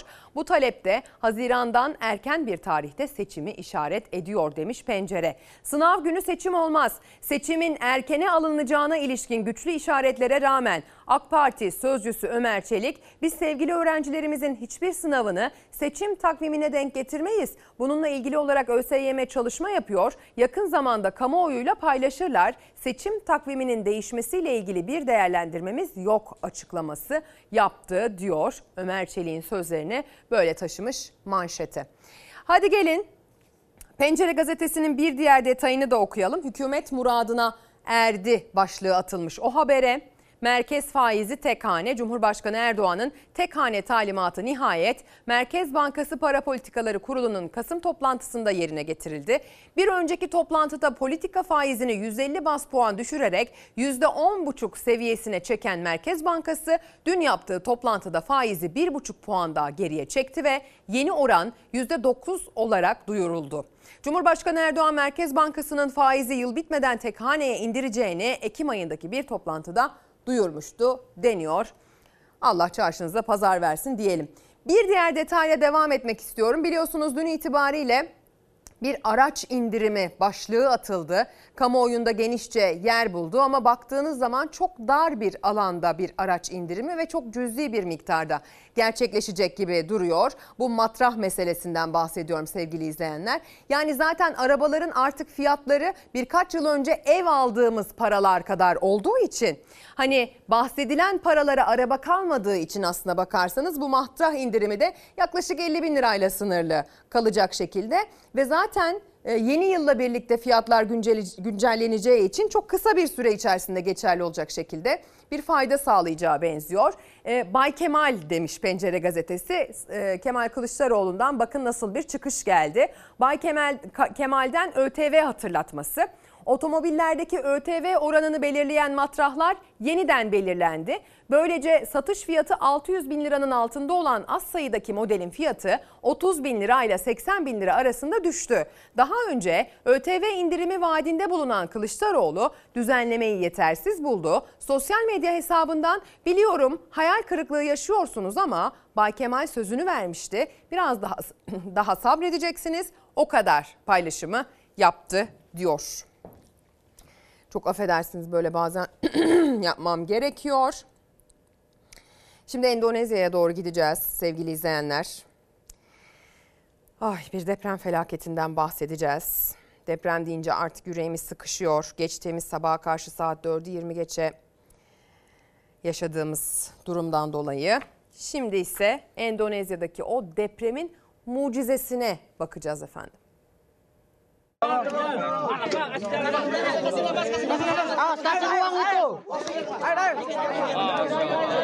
Endonezya'da umutlar tükenirken mucize kurtuluş yaşandı. 6 yaşındaki çocuk depremden 2 gün sonra enkazdan yara almadan kurtarıldı.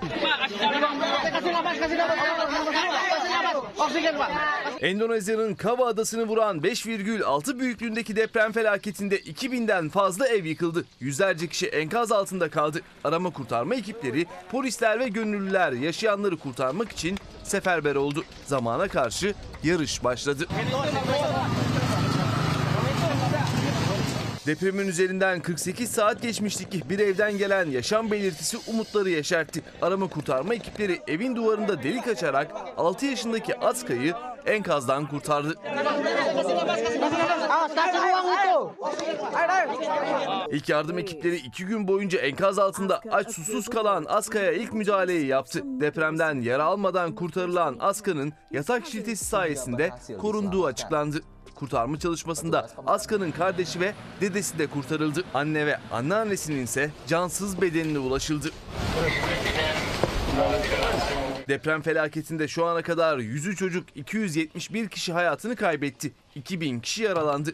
40 kişi ise hala kayıp. Felakette 22 binden fazla evde hasar aldı.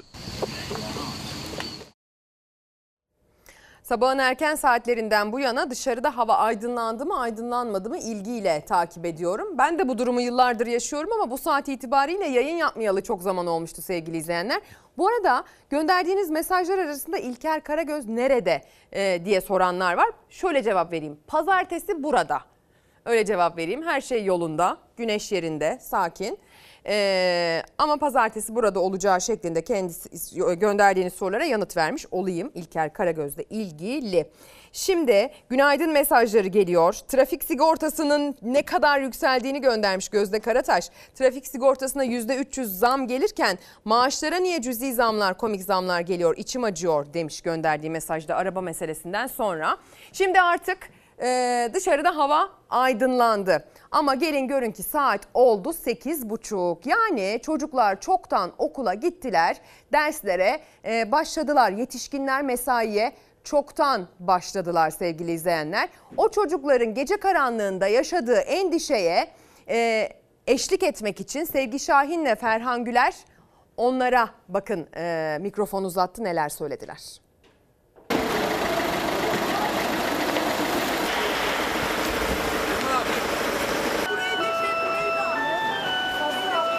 Abla valla çok zor ya. Karanlıkta okula gelmek çok zor. İlk derste zaten insanın uykusu geliyor. İkinci derste hafiften uyanıyoruz. İlk ders kayıp çünkü dışarısı zifiri karanlık. Kış saatine bu sene de geçilmedi. Öğrencilerin karanlıkta uyanabilme, okula ulaşabilme mücadelesi başladı. Sabah sabah kalkıyoruz sıcak yatağımızdan ders işliyoruz. İlk ders kaçta? 7.20. Erken ama yapacak bir şey yok. Biz sadece gidiyoruz okula. Açılıyoruz yani derslerde. 5.30 geçe falan uyanıyorum. Evden kaçta çıkıyorsunuz? 6'yı 20 geçe. Zor olmuyor mu okula gitmek?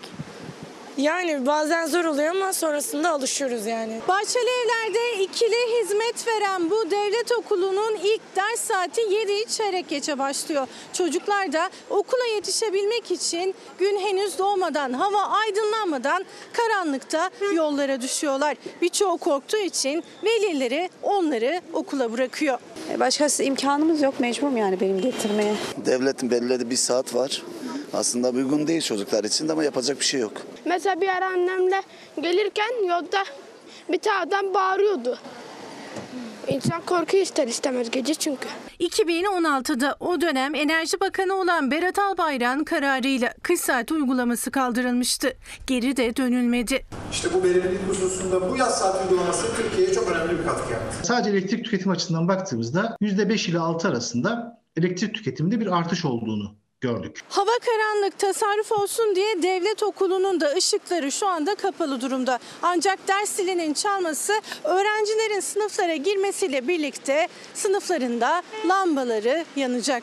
Bu saatin değişmesini çok istiyoruz. Buna tasarruf diyorlar. Bu tasarruf değil. Kesinlikle bizim cebimizden çıkan elektrik faturasında hatta hesabı yok. Bu işin kazananı öncelikle elektrik dağıtım şirketleri, özel şirketler olduğunu söyleyebiliriz. 6 yılda kim kazandı, kim kaybetti? CHP mecliste araştırılmasını istedi. AK Parti ve MHP reddetti. Öğrenciler, veliler, çalışanlar, uzmanlar saatlerin eskisi gibi geri alınmasını istiyor. Ya eski uygulamaya geri dönülmesi lazım ya da eğer sabit saatte ısrar edilecekse daha uygun bir e, meridyen seçilmesi lazım. Gece mi gündüz mü onu fark edemiyoruz. O yüzden bünyemiz açılamıyor. Bir saat geri alınsa daha iyi olur.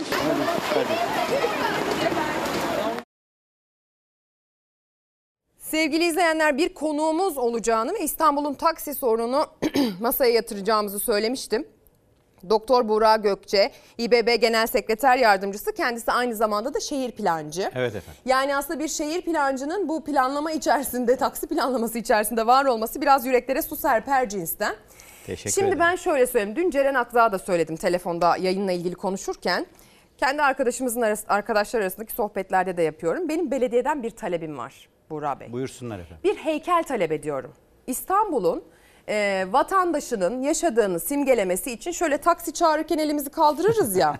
şöyle taksi çağırırken elini kaldıran ama biraz gülümseyen değil de yüzü asık çünkü taksi bulamamıştır Evet. büyük ihtimalle. E, bir heykel rica ediyorum. Yani yaşadığımız e, toplumsal durumlar hani sanata yansır ya bunu da sanata yansıtalım artık. O kadar oldu çünkü. Çok manidar, çok güzel özetlediniz esasında. Yani e, biz artık böyle heykele döndük taksi Evet. çağırırken. Ama galiba bununla ilgili de çok ısrarlı, rekor seviyede bir direnç yaşanıyor. E, bir sonraki toplantıya hazırlandığınızı biliyorum. Bir ikna süreciniz var. Yeni bir çözüm öneriniz var tartışılan. Aslında Evet. daha önce de e, reddedilen. Ne aşamada çalışmalar? Günaydın Ee, herkese, bütün izleyicilerimize iyi yayınlar diliyorum. Ee, Size teşekkür ediyorum. Kanal yönetimine teşekkür ediyorum bu fırsatı verdiğiniz için. Tabii ki. Hakikaten İstanbul'un önemli bir taksi sorunu var. Ee, İstanbul'a gelen turistlerin, e, şehrimizin turizm sektörünün, yerli yabancı e, ziyaretçilerimizin, misafirlerimizin hepsinin şikayet ettiği, İstanbul halkının şikayet ettiği esasında e, biraz da ülkemize mal olmuş bir sorun var. Çünkü İstanbul bir miktar Türkiye'yi e, itibarı nedeniyle de etkileyen büyük bir metropol. Yani İstanbul'un taksi sorunu esasında 85 milyon e, yurttaşımızın da dolaylı olarak sorunu. Hakikaten büyük bir sorun. Ben size bir miktar e, İstanbul'daki taksilerle ilgili sizin bahsettiğiniz anlamda e, elini kaldırıp bekliyoruz, heykel oluyoruz anlamında söylediğiniz şikayetlere benzer şikayetler alıyoruz. E, uygun bulursanız onlarla ilgili bir bilgilendirme yapayım. Bakınız İstanbul'da 18.395 taksi var. Tamam. Ee, biz bu taksilerde 2022 yılının başından bu yana, yıl başından bu yana yani 10 aylık periyotta Ekim ayının sonuna kadar 63.848 şikayet almışız. 100 taksiden 64'üne Ve bunun 42.560'ına yap, yaptırım uygulamışız. Çünkü hepsi de birebir plaka bildiremediğinizde bulamadığınız plakalar, taksiler olabiliyor. ona Te- rağmen tekil olarak %64. tekil olarak Ha. 11.757 taksiye bazılarına mükerrer olmak üzere yaptırım uygulamışız. Yani İstanbul'daki 100 taksiden 64'ü yılın başından bu yana bir biçimiyle cezalandırılmış. Yap, yaptırım uygulanmış çeşitli biçimlerde. Bu ne demek? Bu bu alanla ilgili esasında büyük bir memnuniyetsizlik olduğunun da e, bizim çözüm merkezimize gelen şikayetler içinde de bunun önemli bir yer tuttuğunun da belgesi. Peki vatandaşımız neden şikayet ediyor? Yani bir şikayet var ama nedir bu şikayetler ve biz neye yaptırım uyguluyoruz? Bakınız taksi sep- şoförlerine yönelik uygulanan yaptırımların dağılımına baktığımızda yüzde 61'i yol ve yolcu seçme, kısa mesafe nedeniyle yolcu almama. Hı hı. Yüzde 14'ü kaba davranış, yüzde 12'si yolcuların dolandırılması, yüzde 13'ü de diğer taksimetre açmama ve benzeri şikayetler. Yani vatandaşlarımız taksiyi bulamıyor, bulsa da aldığı hizmetten memnun değil. E, bu e, önemli bir tespit. Ben geçtiğimiz günlerde kendi Twitter hesabımda da paylaştım. Kamuoyuna da mal oldu. 95 yaşında bir ninemiz e, şeyle hasta haliyle, oksijen tüpüyle, e, serumuyla hasta taksi bekliyor, bulamıyor ve bu kamu vicdanını ciddi biçimde yaralıyor. Yani evet aslında şunu da söylemek isterim. Şimdi ben, benim de mesela yaşlım oluyor, hastam oluyor, taksi kullandığım zamanlar oluyor. Yanımda yaşlıyı hastayı görünce e, durmayacaksa bile duran taksiciler de var. E, Allah razı olsun hepsinden. Allah hepsinden Hakikat, razı hakikaten e, öyle yurttaşlarımız da öyle taksici Vicdanlı. şoförümüz de çok çok fazla. Bunların hakkını da yememek icap eder tabii ki. Ama bu örnekler de yansıyor ve hani bunlar münferit bir iki olduğu olsa e, bu kadar büyük problem olmaz ama bu yaygınlaştığı ve hakikaten birçok insanın hayatını olumsuz etkilediği için işte engellisi bu engelli çocuğuyla bir başka anneyi gördük geçtiğimiz Evet, günlerde. sosyal medyada o da taksi viral oldu. tane taksi geldi hiçbirisi almadı diye. Hüngür hüngür ağladım Demek ki diye tek- paylaşım tekil yaptı. münferit bir e, şey olmaktan çıkıyor. Yani ben de herkes gibi yaşadım. Ben de bu bu şeyi deniyorum. Ama sizler de deniyorsunuzdur. Yani bu birisi birilerin özellikle abarttığı e, bir konu olsa zaten şöyle olmaz. Mesela e, araştırma şirketleri İstanbul'daki taksi sorunuyla ilgili Konda'nın Ipsos'un araştırmaları var. Yani dünyanın hangi şehrinde taksi sorununa ilişkin kamuoyu araştırma şirketleri bir araştırma yapmayı tercih etsinler ki? Böyle bir sorun var ki kamuoyu araştırma şirketleri anket yapmış.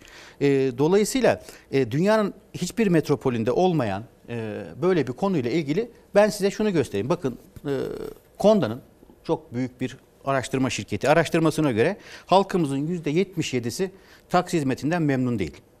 Ve yeni bir düzenleme isteyenlerin oranı %90. Bunu, Hocam ne bunu yapacağız? Konda söylüyor. Ne yani, yapacağız? E bu aşama aşama bununla ilgili şey yapacağız. Bakın ne yapmak gerektiğini söyleyeyim. Yani e, şu tablo her şeyi anlatıyor. 1965 yılında İstanbul'da taksi sayısı ve nüfusun birbiriyle kıyaslaması şu. Yani taksi sayısı 15.514, e, 2 milyon 200 binlik bir kentten bahsediyoruz. Nüfusa oranla Bu nüfusa oranla İstanbul'da kişi başına, 1000 kişi başına düşen taksi 7.05. Geldiğimiz noktada 1000 kişi başına düşen taksi 1.16. Yani 1900 1965'te 1000 kişiye 7 taksi düşüyormuş. Şimdi bir taksi düşüyor. 2022'de 1000 bir, kişiye 1 bir taksi, düşüyor. düşüyor. Tabii E, böyle olunca tabii ha, ki mucize. böyle olunca taksinin e, arzın talebi karşılayamaması gibi bir durumla karşı karşıya kalıyorsunuz ve esasında siz taksi seçmiyorsunuz, taksi aramıyorsunuz, taksi yolcu seçiyor. Yani bu bilimsel olarak arzla talebin arasında bir denge var biliyorsunuz. Karşılamadığı zaman buna yetişme ihtimaliniz yok. Yani deniliyor ki İstanbul'da taksi e, sorunu olmasının sebebi trafik sıkışıklığı olduğu için e, taksiler bir yerden bir yere gidemediğinden siz taksi bulamıyorsunuz. Hayır rakamlar resmi olarak böyle. Bakın dünyanın en fazla trafik sorunu olan kentleriyle kıyaslama göstereceğim size. Londra, Berlin, Moskova, İstanbul. Taksi başına nüfus hangisinde nedir diye baktığında Moskova'da 179, Berlin'de 480, bize en yakın Londra'da 603, bizde 861. Bu rakama gelmemiz için bile bizim yaklaşık taksi sayımızın 50 bin 60 bin olması lazım. Dolayısıyla 3 kat. en az ö, görüntü bu. Yani şeyin arzın talebi karşılayabilmesi için ki biz artık bu küreselleşen dünyada inanılmaz bir e, turist e, ve ziyaretçi Biz bir alan bir metro şehriyiz. ve bunu iddia ediyoruz. Biz bir dünya kentiyiz. Biz bir e, dünyayla rekabet eden büyük bir metropolüz, megapolüs diyoruz. Ama e, şu- niye bu trafik olan 10 tane kent sıralaması koyuyorlar? 10 kentin 9'unda taksi konusuyla ilgili bir gündem yok. Yani onlarda da trafik sıkışıklığı Yani var. Demek ki bizde bir başka yani bu vatandaş- sorunu önce doğru tespit etmek gerek. Var böyle bir sorun. Bu sorun yok. Bunu denetlemeyle aşarız. Bunu e, mobil sistemler kurarak aşarız. E, dolayısıyla yeni bir taksi ihtisasına gerek yok demek kafayı kuma gömmek. Sorunu Bundan yok varsaymak. 15-20 sene önce şöyle konuşmalar hatırlıyorum İstanbullular arasında. İşte araba satın almak işte mantıklı değil. İstanbul'da araba sahibi olmak zor. Park yeri sıkıntı. Arabanın masrafına gerek yok. Hani İstanbul'da zaten diğer e, şehir şehirlere göre taksi ücreti düşük, daha yaygın olduğu için bütün taksiler benim.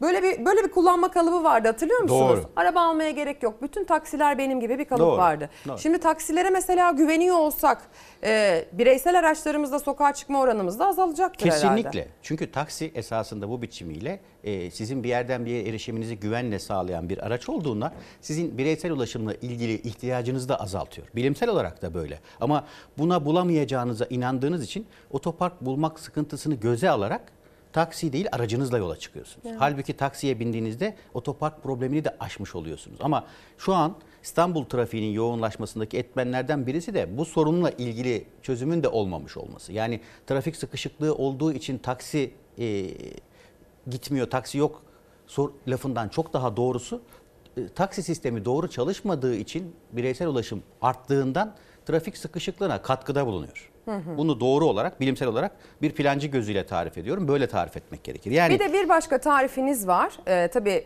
kaynağın plakalar olduğunu söylüyorsunuz ve bu plaka düzenlemesiyle ilgili de, ilgili de minibüsleri devreye sokmaktan Evet bahsediyorsunuz. evet yani bir, bir, bir kapsamlı çözüm önerimiz var. Hı hı. Yani nasıl, nasıl gerçekleşecek? Şimdi önce şunu söylemek lazım Ezgi Hanım. Sistemde bir problemimiz var. Yani esasında bizim 10.553 sayılı bir kanun hükmünde kararnamemiz var. 80'li yılların başında çıkan. Bu konuyla ilgili tek mevzuat da bu. Ee, bu çıktığı tarih itibariyle taksiciliği bir esnaf faaliyeti e, olarak tarif ediyor ve esnafın bireysel olarak taksi şoförlüğü yapacağını, bunun dışında da e, yetmediği durumda şoförle birlikte çalışabileceği yönünde bir tarif koyuyor. Ee, ancak geldiğimiz noktada İstanbul'da diğer kentleri de iyi biliyorum. Ankara ve İzmir'i de iyi bilen bir e, yönetici olarak söylüyorum. Diğer kentlerden çok daha farklı olarak İstanbul'da bu mevzu bir miktar esnaf faaliyeti olmaktan neredeyse bir yatırım aracına, gayrimenkul yatırım aracına dönüşmüş bir e, özel e, ticari mevzu olmuş.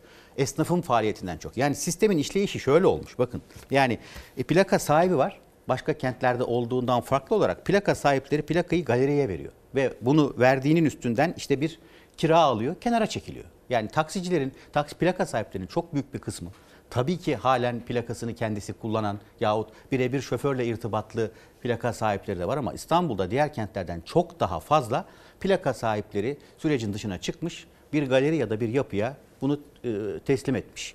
Bu yapı kiracı buluyor ve kiracıdan 13 aylık bir kira alarak onu çalıştırıyor. 13 Hı ay. Bunun da hı piyasadaki rayicini söylüyorum. 13 ay. Bedeli de var. O da e, farklılaşıyor.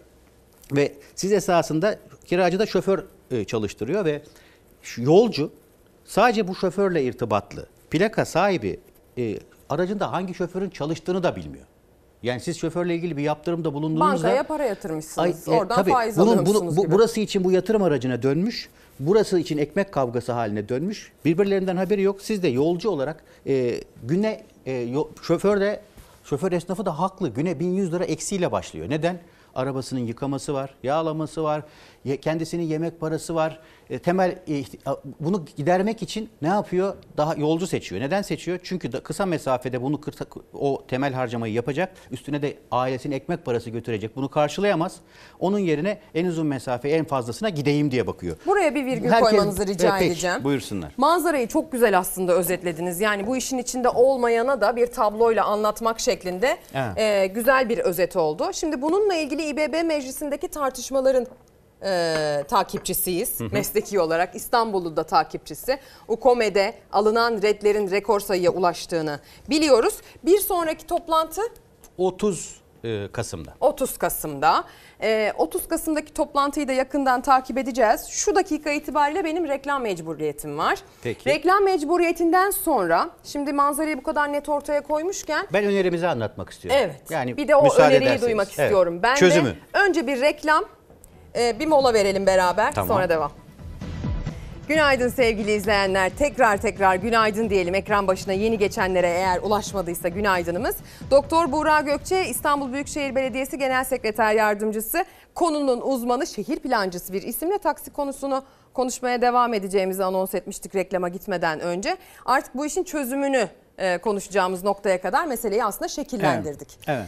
Şimdi e, yeni çözüm önerisine minibüs şoförleri dahil edilecek. Evet. Sizin eğer öneriniz bu kez kabul edilirse. Evet. Kaç kez reddedildi? 14 kez UKOME'de reddedilmiş 14 efendim. kez UKOME taksi meselesiyle ilgili İBB teklifini, yönetim teklifini Evet. reddetti. Ve aslında inisiyatif de başkanda olabilecekken artık değil gibi bir durumda E, daha söz önce. UKOME'nin yapısı böyle değildi. E, İstanbul Büyükşehir Belediye Başkanlığı seçimini Sayın Başkanımız Ekrem İmamoğlu kazandıktan sonra UKOME yapısı değiştirildi. Hı hı. UKOME'deki çoğunluk e, hükümet temsilcileri üstünden biçimlenince e, UKOME'deki karar alma e, yapısı da bir miktar tahakküm altına girmiş oldu. Evet yani böyle kısa notlarla bilgilendirme de geçelim istiyorum. Aslında çok da yani sadece İstanbul'u değil Türkiye'yi ilgilendiren ve Türkiye'nin de bildiği bir konu haline dönüştü Evet. ama şimdi minibüsleri kapsayan bu yeni e, teklifinizin sistemini anlamaya çalışmak istiyorum. Yani mesela bazı minibüs şoförleri buna itiraz edebilir mi? Ya da mesela atıl durumdaki bir takım hatların taksiye dönüştürülmesinden bahsediyorsunuz. Evet. Nasıl planlıyorsunuz? E, bu sefer Uk- UKOME'ye bu kez UKOME'ye sunduğumuz teklifimiz e, UKOME'nin yapısına da uyumlu ve e, daha önce de bir biçimiyle dile getirilmiş e, biçimiyle e, plakayı e, satmayan e, çünkü buna yoğun bir e, UKOME çoğunluğundan itiraz var. Bir başka çözüm bulabilme derdindeyiz. Şöyle bir bilimsel analiz yaptık efendim. İstanbul'da raylı sistemlerin devreye girmesiyle çok sayıda minibüs hattı, e, biliyorsunuz 10 yeni hattı da raylı sistem çalışmamız sürüyor. Ekrem Başkan e, büyük bir e, özveriyle ve büyük bir önem vererek bu işi yürütüyor. Dünyada tek aynı anda 10 metro yapan tek kentiz ve bunların devreye gireceği yeni bir sistem de var ve bilimsel bir analiz var elimizde. Bu hatların girmesiyle e, daha feasible çalışabilmesi için bazı otobüs ve minibüs hatlarının azaltılması gerekiyor. Zaten şu anda e, atıl duruma düşmüş çok sayıda minibüs var ve bu minibüs şoförleri de ekmek derdinde ve evlerine ekmek götüremez hale gelmiş vaziyetteler. Biz madem komenin yapısında böyle bir şey var, böyle de bilimsel bir problem var. Bu minibüs şoförlerinin, minibüs e, esnafının derdine de çare bulan, taksi sorununa da çare bulan bir çözüm bulabilir miyiz diye düşündük ve elimizdeki bilimsel analiz 1803 tane minibüsün şu an itibariyle e, minibüs olarak faaliyet göstermeden de sistemin yürüyebileceği biçiminde. Dolayısıyla biz bu 1803 minibüsü alıp taksiye dönüştürebilirsek e, sisteme bir e, iyileşme sağlayabiliriz diye düşündük. Nasıl olacak bu? Benzer şekilde e, 322 tane de taksi dolmuş var. Onların da taksiye geçmesine ilişkin bir hak tanıyacağız. E, ve 500 tane de engelsiz minibüs tanımlıyoruz. Onu en son anlatacağım ama minibüslerin taksiye dönüşmesi için şöyle bir şey yapmak istiyoruz. Biraz evvel sistem sorunundan bahsettim. Sistemde bir problemimiz var. Bunlar daha önce de denenmiş. Aynı biçimiyle sisteme entegre olduklarında aynı sorunun parçası oluyorlar. Demek ki sisteme girenin sayısının artması tek başına yeterli değil, niteliğinin de iyileşmesi lazım. Niteliğinin iyileşmesi için yeniden dönüşecek, Eğitim. minibüsten taksiye dönüşecek e, araçların kalitesine de çalışacak şoförlerin niteliğine, eğitimine ilişkinde bir takım şartlar getirmeyi ve bunu bir taahhüt altına bağlamayı kararlaştırdık. UKOME'ye sunduğumuz teklif de bu. Nedir bu? Onu size söyleyeyim. Bakınız böyle bir taahhüt alacağız. Ee, Taksi, Ben bir minibüs, minibüs şoförüyüm ya da hat Taksiye sahibiyim. dönüşmek için minibüsün e, e, plaka sahibi siz olabilirsiniz ya da orada çalışan şoför olabilirsiniz. Her ikinizden de taahhüt alacağız. Diyeceğiz ki ben aracımı yeni tip, geniş hacimli, e, yüksek ve e, konforlu bir araç haline getirmeyi taahhüt ediyorum. Hı hı. Bu aracın güvenlik bölmesi olacak yolcuyla ş- e, şoför arasında. Bu aracın hijyen koşullarının tümü sağlanacak. İstanbul Kart'a entegre olacak. Kredi kartı gibi farklı ödeme seçenekleriyle para almayı taahhüt edecek. E, bilgilendirme ekranı olacak. E, İstanbul Büyükşehir Belediyesi'nin merkezi denetleme sistemine entegre olacak. İçeriden dışarıdan kameralarla denetlenmeyi, e, anlık şikayet bildirimi almayı kabul edecek. Araç bu hale gelmeye... Bunları ben taahhüt edeceğim. Ben Siz kendim yapacak. yapacağım. Minibüs şoförü yap, minibüs, yapacağım. minibüs esnafı bunu yapacak. Çünkü Tamam. minibüs plakası ile taksi plakası arasında göreli bir fark var. Taksiye geçtiğiniz zaman zenginleşmiş olmayınız. Bu yatırımı yapmak zorundasınız diye minibüs esnafına bu şartı getiriyoruz. Minibüsün şoförü için minibüsün şoförü için diyoruz ki e, siz de bu içeride bir bizim ulaşım akademimizden eğitim alan, belli şartları sağlayan herhangi bir cezası olmayan, hiçbir adli suçla ilgili kaydı olmayan, e, asgari miktarda 15 gün eğitimi almış, iletişim eğitimi almış, iş sağlığı eğitimi almış, güvenli sürüş eğitimi almış, e, asgari yabancı dil bilen, harita na- navigasyon okumayı bilen, İstanbul'la ilgili şehir bilgisi imtihanından da geçmiş şoför çalıştırmak zorundasınız diyoruz. Eğer aracın kalitesi bu değil, çalıştıracağınız şoför bu biçimde değil ya da bu problemi yapıyorsa bunun belli ih- ihlal şartlarını koyacağız. 3, 5. Hı hı. UKOME'ye önerdiğimiz bu. Bu e, ihlalleri belirli sürelerde yapmışsanız sizin verdiğiniz taahhüt doğrultusunda biz sizin taksi hak olma hakkınızı alacağız. Sizi tekrar minibüse iade edeceğiz. Hocam, e, Burak Bey bir virgül koyalım. Bir son dakika gelişmesi var. Hemen onu söylüyor bana arkadaşlarım. Onu aktarmak isterim. İstanbul Valisi İstiklal Caddesi için yeni bir e, açıklama yaptı. E, İstiklal Caddesi ile ilgili bu çok konuşulacak e, yasak Son dakika bilgisi sevgili izleyenler. Biliyorsunuz 13 Kasım'da İstiklal Caddesi'nde bir terör saldırısı gerçekleşti. Ve artık valilik dedi ki caddede sosyal, kültürel, ticari etkinlik düzenlemek yasak. Sokak müzisyenlerine dahi izin verilmeyeceğine dair bir son dakika bilgisi İstanbul Valiliği'nin açıklamasıyla kamuoyuna düştü. Haber sitelerine düştü. Ee, 13 Kasım'daki bu İstiklal Caddesi'nde yaşanan terör saldırısıyla ilgili yeni önlemler tekrar ediyorum. İstiklal Caddesi artık sosyal, kültürel, ticari etkinlik düzenlemenin yasak olduğu bir caddeye dönüşüyor. Sokak müzisyenlerine de izin verilmeyeceğine dair bir yasaklar serisiyle karşı karşıyayız. Bunun nedenleri, niçinleri ve sonuçları üzerine tartışma çıkacaktır. Çok konuşulacaktır sevgili izleyenler. İstiklal Caddesi ile ilgili bu son dakika bilgisini İstanbul Valiliği açıkladı diyeyim. Bu son dakika bilgisini Evet, vermiş olayım. Başkanımız her gün orada kazadan bu yana biliyorsunuz ve Hı hı. oraya hayatiyet kazandırmak için başkanımızın da bir e, paketi var. Yakın zamanda bunu da duyururuz. Dolayısıyla e, İstiklal Caddesi'nin hayatiyeti büyük bir önem taşıyor. E, İstanbul'un en sembolik caddesi. Tabii güvenlik kaygıları çok Net yani, anlaşılır, şüphesiz önemli ama bir şey. hayatiyetin olması oraya anlamını veren işlevlerin yürütülebilmesi anlamında başkanımız mu- muhtemelen bir programda açıklayacaktır. Hı hı. Ben e, Minibüslerden devam minibüsün edelim. k- dönüşümüne ilişkin taahhüt kısmının çok önemli olduğunu bir kez daha vurgulayayım. Çünkü bu biçimiyle sisteme taze yeni bir kan enjekte etmeyi hedefliyoruz. Aynı biçimiyle sistemin bir parçası olmak yerine artık bu 1803 minibüs sisteme taze kan ama başka niteliği de artmış, denetlenebilir kap- kapasitesi de yükselmiş ve bir taahhüt vermiş. Kendini de bağlamış. Çünkü öteki türlü e, yas- babadan oğula geçen bir hak var ve hiç siz taksicinin plakasını alamıyorsunuz. Ama Hı hı. burada alma hakkımız var. Minibüse geri gönderme hakkımız var. Böyle Hı hı. bir sistem kuracağız. Bir de e, özellikle yayının başında siz de söylediğiniz ben de örnekler verdim. Çok sayıda dezavantajlı e, insan var. E, sadece engelli diye koymayalım. Bakınız İstanbul'da resmi rakamlara göre 370 bin engelli var. Ve e, ha- hareket engeli olan hamileleri, yaşlıları koydığımızda yaklaşık 1 milyon kişilik engelli, hareket engeli olan dezavantajlı vatandaşımız var. Ve bu vatandaşlar esasında ihtiyaç en fazla ihtiyaç duyan taksi hizmetine çünkü yürüme şansları çok daha az. Ancak en zor taksiyi bulan vatandaşlarımız.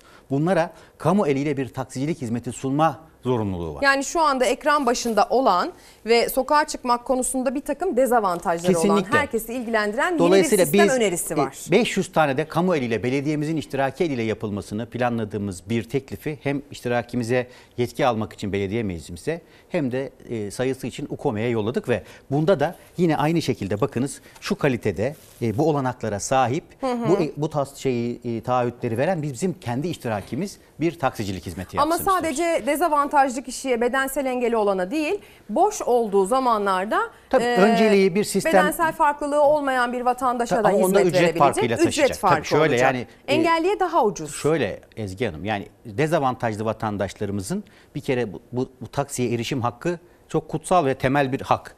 Bunu sağlayabilmek eğer kamu eliyle olmazsa e, bu seçime söz konusu olur. Bunu kamu şirketi yaparsa biz bir mobil uygulama kuracağız. İlçelerimize taksilerimizi dağıtacağız.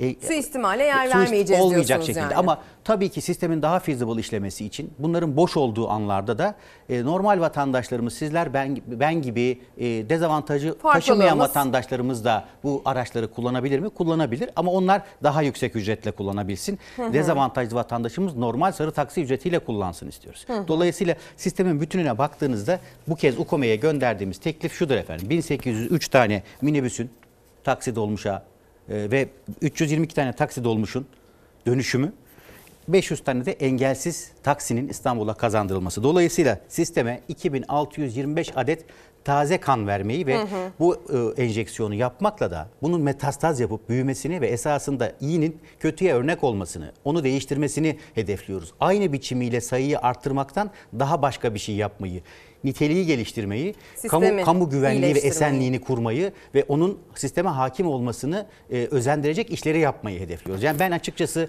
İstanbul'da bu haliyle kamu araştırmalarına konu olan e, İstanbul'a gelen yerli yabancı tüm turistlerin temel sorun olarak e, taksi sorununu tarif ettiği, kamuoyu gündemine böyle geldiğimiz bir süreçten vatandaş olarak, Türkiye Cumhuriyeti vatandaşı olarak bu konuda eğitim almış doktoralı bir şehir plancısı olarak çok rahatsızım. Bunu çözebilmek hepimizin görevi. Ben bu kez UKOME'nin tüm unsurlarının, belediye meclisimizin saygıdeğer üyelerinin bu konudaki e, çabaya omuz vereceğini, Hı hı. katkıda bulunacağını düşünüyorum. Çünkü bu çok Belki de- kıymetli.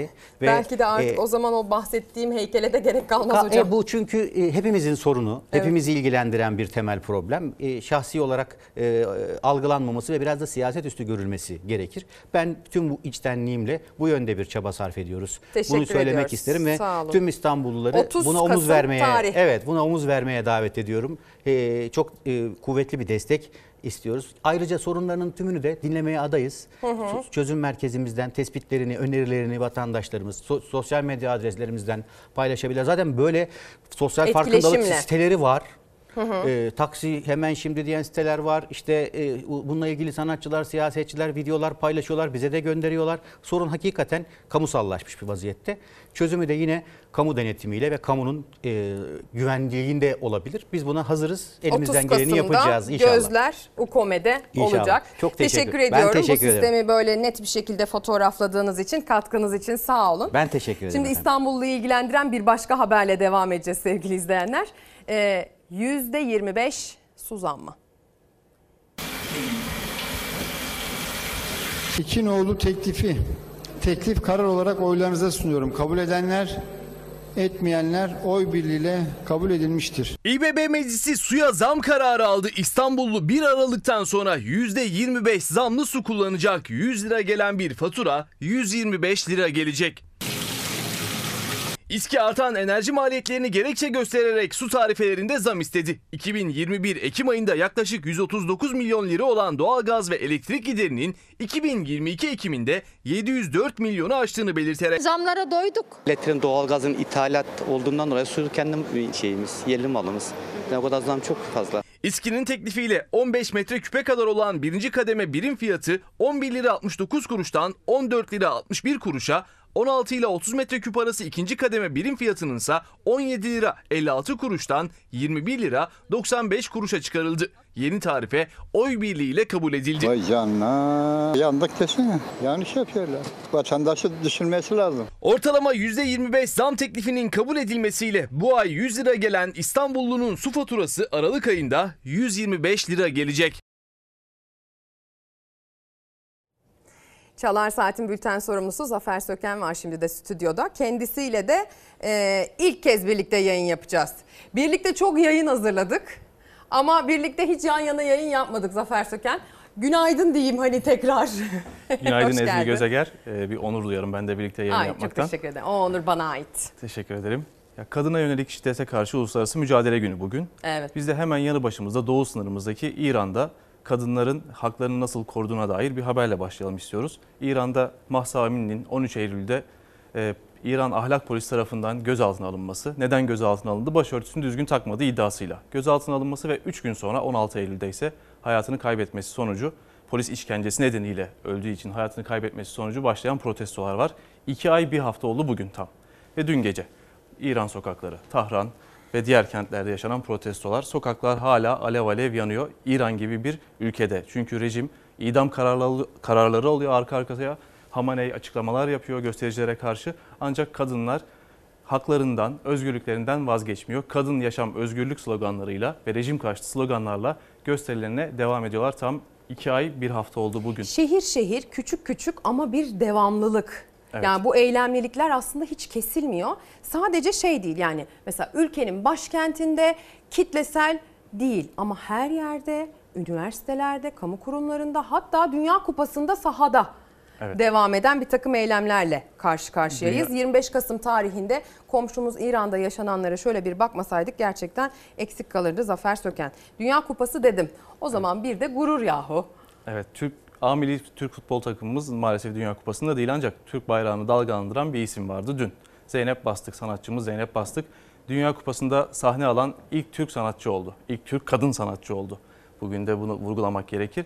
Ve e, Katar'da Türk bayrakları dalgalandı. 45 dakikaya yakın bir konser verdi. İşte bayrakları da görüyoruz burada. Hı hı. Türk izleyiciler Dünya Kupası'nı git, izlemeye gitmiş ve Katar'da yaşayan Türk izleyiciler de Zeynep Bastık'ı yalnız bırakmadı. Tüm dünya dün bir türkü dinledi. Zeynep Bastık'ı dinledi. Bizim de göğsümüz kabardı açıkçası. Kulaklarının da pası bir temizlenmiştir ki o güzel sesiyle. Çok teşekkür ediyoruz bize bu gururu yaşattığı için de Zeynep Bastığa. Kendisi genç ve son derece başarılı bir sanatçımız. Ee, o zaman biraz da zenginin malı züğürdün çenesini yorsun Muzaffer. O zaman biraz da çenemizi yoralım. Yani dünyada çok derin bir yoksulluk var tüm dünya çapında ancak bir de ultra zenginler var. Dünya servetini kullanan. Mesela bu da onun bir resmi. 8 milyar dolar maliyete Aman sahip olacak Tanrım. bir Gerçek mi bu? bu animasyon bu gerçek olacak. Bir terayat deniyormuş bunlara. Kendi içinde limanları var. Uçaklar için, helikopterler için pistleri var. Yani daha küçük yatlar için, daha küçük gemiler için e, limanları olacak bir terayat projesi. Böyle de zenginlikler var. Bir Biz- İtalyan şirket bunu Hmm. tasarlamış. Suudi Arabistan'da da inşa edilecekmiş. Yani E tabi bu şaşa oraya gider. evet tabii Suudi Arabistan'a Yani oraya yakışır. yakışır. Yakışır, Evet. gerçekten. Yani zenginliğin Şimdi boyutu. Biz mesela haber yazarken, haber yaparken İstanbul Boğazı'ndan geçen böyle devasa kruz gemilerine ya da ne bileyim işte yük gemilerine yüzen şehir falan diyoruz da artık onlar Yüzen ülke sayılabilir yani, o yüzen kadar semt büyük ki. falan herhalde yani. Bu, bu anca bu yüzen şehir bu olur. Bu belki de sığmayacak belki de geçmeye kalksa Yani İstanbul 550 Boğazı'na metre yani. uzunluğu var ve yaklaşık 610 metrede genişliği var. Çok Vay geniş de bir yat. Yani zenginin malı züğürdün çenesini yorar dedikleri bir gerçek. Böyle de zenginlik var dünyada ancak Ama bu çok da- dünyanın %99,99'unun da çenesini yorabilecek ölçüde bir Zaten zenginlikten bahsediyoruz dünyanın burada. en zenginleri e, dünyanın gelirinin çok büyük bir kısmını elde etmesi de dünyanın tabii adaletsizliğinin bir ne yazık ki göstergesi oluyor. Allah çarşınıza pazar versin diyelim. Ne diyelim yani daha denecek bir şey yok galiba. Evet. Ve Rusya-Ukrayna savaşına istersen geçelim. Bir haberimiz vardı. Müsaadenle onu Heh, paylaşalım evet istersen. tabii ki. Ee, bir ameliyat galiba değil mi? Evet. Birlikte anlatalım isterim Zafer. Rusya Kiev'i özellikle Kiev'i ve Kiev'in altyapısını vurmaya devam ediyor ve özellikle tercih ettiğini söylüyor Ukrayna Devlet Başkanı. Diyor ki Rusya sistematik olarak bir terör üzerine bizim altyapımızı vuruyor, insanları ısınmadan mahrum ediyor, elektrikten mahrum ediyor diye Zelenski'nin iddiası var. Dün tam da bir çocuğun kalp ameliyatı sırasında Rusya'nın saldırısı nedeniyle elektrikler kesiliyor. Elektrikler kesilince de ameliyat bakın nasıl devam ediyor. İzleyelim. Kiev'de kalp ameliyatı sırasında elektrikler kesildi. Doktorlar ameliyatı ışıldaklarla aydınlatarak tamamladı. Rusya'nın Ukrayna altyapısına yönelik saldırıları sonrası başkent Kiev'de yaşanan elektrik kesintisi savaşın acı yüzünü ortaya koydu. Kiev Kalp Hastanesi'nde doktorlar bir çocuğu ameliyat ediyordu. Bu sırada elektrik kesildi. Her yer karanlığa gömüldü. Doktorlar bu olumsuzluğa karşı ışıldak kullanarak ameliyatı başarıyla tamamladı. Çocuğun hayatını kurtardı. Ukrayna Devlet Başkanı Zelenski saldırı sonrası Birleşmiş Milletler Güvenlik Konseyi'ne hitap etti. Zelenski Rusya'nın orantısız saldırılar düzenleyerek düzenli olarak kentleri tahrip ettiğini söyledi. Rusya'nın son saldırıları sonrası milyonlarca insan ısınamadan ve susuz yaşıyor. Bu Rusya'nın terör formülü diye konuştu. Evet böyle e, savaşın çocuklara nasıl haksızlık ettiğine dair bir örnek aslına bakarsan. Sadece bir örnek üstelik. Savaşın kazananı yoktur diyorlar ya işte bu da onun aslında gerçek bir fotoğrafı. Fotoğrafı. Savaştan geriye acı kalıyor, gözyaşı kalıyor, dağılmış aileler kalıyor, dağılmış yuvalar kalıyor, öksüz çocuklar kalıyor. Evladını kaybetmiş anne babalar, eşini kaybetmiş kadınlar kalıyor ne yazık ki. Mesela insanlar belki savaştan hayatını sürdürerek devam edebiliyor ama gazi oluyorlar ve bu e, uzuvlarını kaybedebiliyorlar. Uzuvlarını kaybedince hayatlarını böyle de tamamlamak zorunda kalabiliyorlar. Ukrayna'dan bir gazinin görüntüsüyle devam edelim. Edelim. Savaşta iki bacağını kaybetmiş bir Ukrayna askeri görüntülere gelecek olan. Ee, kız arkadaşı var. Kız arkadaşıyla evlilik hayali kuruyor ancak savaş başlayınca bu evlilik hayalini ertelemek durumunda kalıyor. İki bacağını kaybediyor savaşta ve kız arkadaşına evlilik teklifini gerçekleştiriyor. Ailesinin yardımıyla, desteğiyle böyle de evlilik teklif ediyor. Kız arkadaşı da bu teklifi kabul ediyor. Yani buruk bir sevinç bu. Savaştan ama Evet. geriye kalan dediğim gibi böyle bir gözyaşı oluyor. cenaze hayatın kendisi. Gerçekten eee, zor bir durum. Evet cevabını da aldı galiba. Yüzler o noktada güldü diye düşünüyorum. Evet en azından böyle bir sevinçle noktalamış olalım. Teşekkür ediyorum Zafer Söken. Ee, Zafer Söken'le birlikte yayın yapmanın heyecanını yaşadım ben de sevgili izleyenler. Birlikte ilk yayınımızı yapmış olduk. O zaman devam edelim bir başka haberimizle ben Zafer'i uğurlarken. Ee, İstanbul Büyükşehir Belediyesi'nin iştiraki Kiptaş'ın projesi için e, Hacı Bektaş'a gidiyoruz. Nevşehir'imize, Hacı Bektaş'ımıza hayırlı uğurlu olsun dileklerimizle butonlara basıyoruz. bütün maneviyatı, e, bütün güzelliği koruyan örnek bir mimariyle Hacı Bektaş'a değer katan, o topraklara yakışan bir eserin ortaya çıkması hususunda bir çalışmanın sonucunu e, birlikte görüp İBB iştiraki Kiptaş'ın Nevşehir Hacı Bektaş'ta başlattığı konut projesinin temel atma töreninde konuştu Ekrem İmamoğlu. Türkiye'nin her yerine dokunmaya gayret edeceğiz dedi. Kiptaş Genel Müdürü Ali Kurt, kent hafızası vurgusu yaptı. Bizim gerçekten şehirleşmeye bakış açımız, kentleşmeye bakış, bakış açımız çok farklı. Bu farkı burada gösterip bir kent hafızası oluşturmaya çalıştık. Çünkü Türkiye'nin en önemli sorunlarından biri çarpık şehirleşme. Kesinlikle bir ticari kaygımız yok. şu ana kadar Türkiye'nin her yerine dokunmaya gayret ettik. Dokunmaya da devam edeceğiz. Nevşehir Hacı Bektaş'ta yapılan Mihmandar konut projesinin açılışı vardı dün. Ekrem İmamoğlu o açılışa canlı bağlantıyla katıldı. Projenin de %25 daha erken bitmesini istedi Ali Kurt'tan. Kafasına hangi takvimi koyduysa en az yüzde 25 aşağı çeksin onu. E, benim acelem var. Dayanamam o konuda hızlıca bitmesini e, sağlama hususunda. Bugün 25 Kasım buna dair ilerleyen dakikalarda bir stüdyo konuğum daha olacak. Zafer Söken de aslında e, buna dikkat çekti sevgili izleyenler birlikte yaptığımız yayında. Ama isterseniz 25 Kasım tarihinin anlam ve önemine değinmeden önce Sayın Gülizar Biçer Karaca burada olacak CHP Genel Başkan Yardımcısı. Aynı zamanda insan haklarından, hak temelli durumlardan sorumlu kendisi ve Denizli Milletvekili. Onunla bu konuyu konuşacağız. Hukuki olarak onun bir temeli var biliyorsunuz. Hukukçu bir kimliği var. Bu anlamda konuşacağız ama bir de 24 Kasım'ı geride bıraktık. 24 Kasım'ı geride bıraktık ama belki de öğretmenlerin girdiği en buruk 24 Kasım'da öğretmenler günüydü. Şimdi isterseniz öğretmenlerin haberini bir Sabah gazetesinden önce okuyalım. Sabah gazetesi bugün ilk sayfasında e, öğretmenlere yer verdi. Sayın Cumhurbaşkanı'nın sözleriyle. Öğretmenlerimiz kirli oyuna gelmedi. Başkan Erdoğan öğretmenimize eli kalkan her şeyini kalkanın her şeyini darmadağın ederiz dedi diyor gazete. Varlık sebebimiz öğretmenlerimiz. Biz öğretmenlerimizle bugünlere geldik. Öğretmenlerimizin canına kasteden alçaklara döktükleri her damla kanın hesabını misliyle sormaya devam edeceğiz de- e, dedi Sayın Cumhurbaşkanı. Sabah gazetesi Öğretmenler Günü'nü gördü ama böyle bir detayla gördü. İsterseniz e, bir karar gazetesinden bir detayla devam edelim yine öğretmenlerin gündeme nasıl yansıdığını. Öğretmenin geliri de eriyor, itibarı da başlığı atılmış habere. 24 Kasım'da bir düşündüren rapor da Avrupa Eğitim Birliği ağından geldi. Çalışmaya göre Türkiye öğretmen geliri bakımından 36 ülke arasında 27. sırada. Buruk 24 Kasım demiş karar. Ee, bu 24 Kasım'da öğretmenler unutulmadı. Öğrenciler çiçekli, şiirli kutlamalarla sürprizler hazırladı. Terör şehidi olan öğretmenler Arzu Özsoy'la Ayşenur Alkan'ın acısıysa yürekleri dağladı. Öğrenciler özel günde sınıfları karanfillerle süsledi diyor. Hadi izleyelim.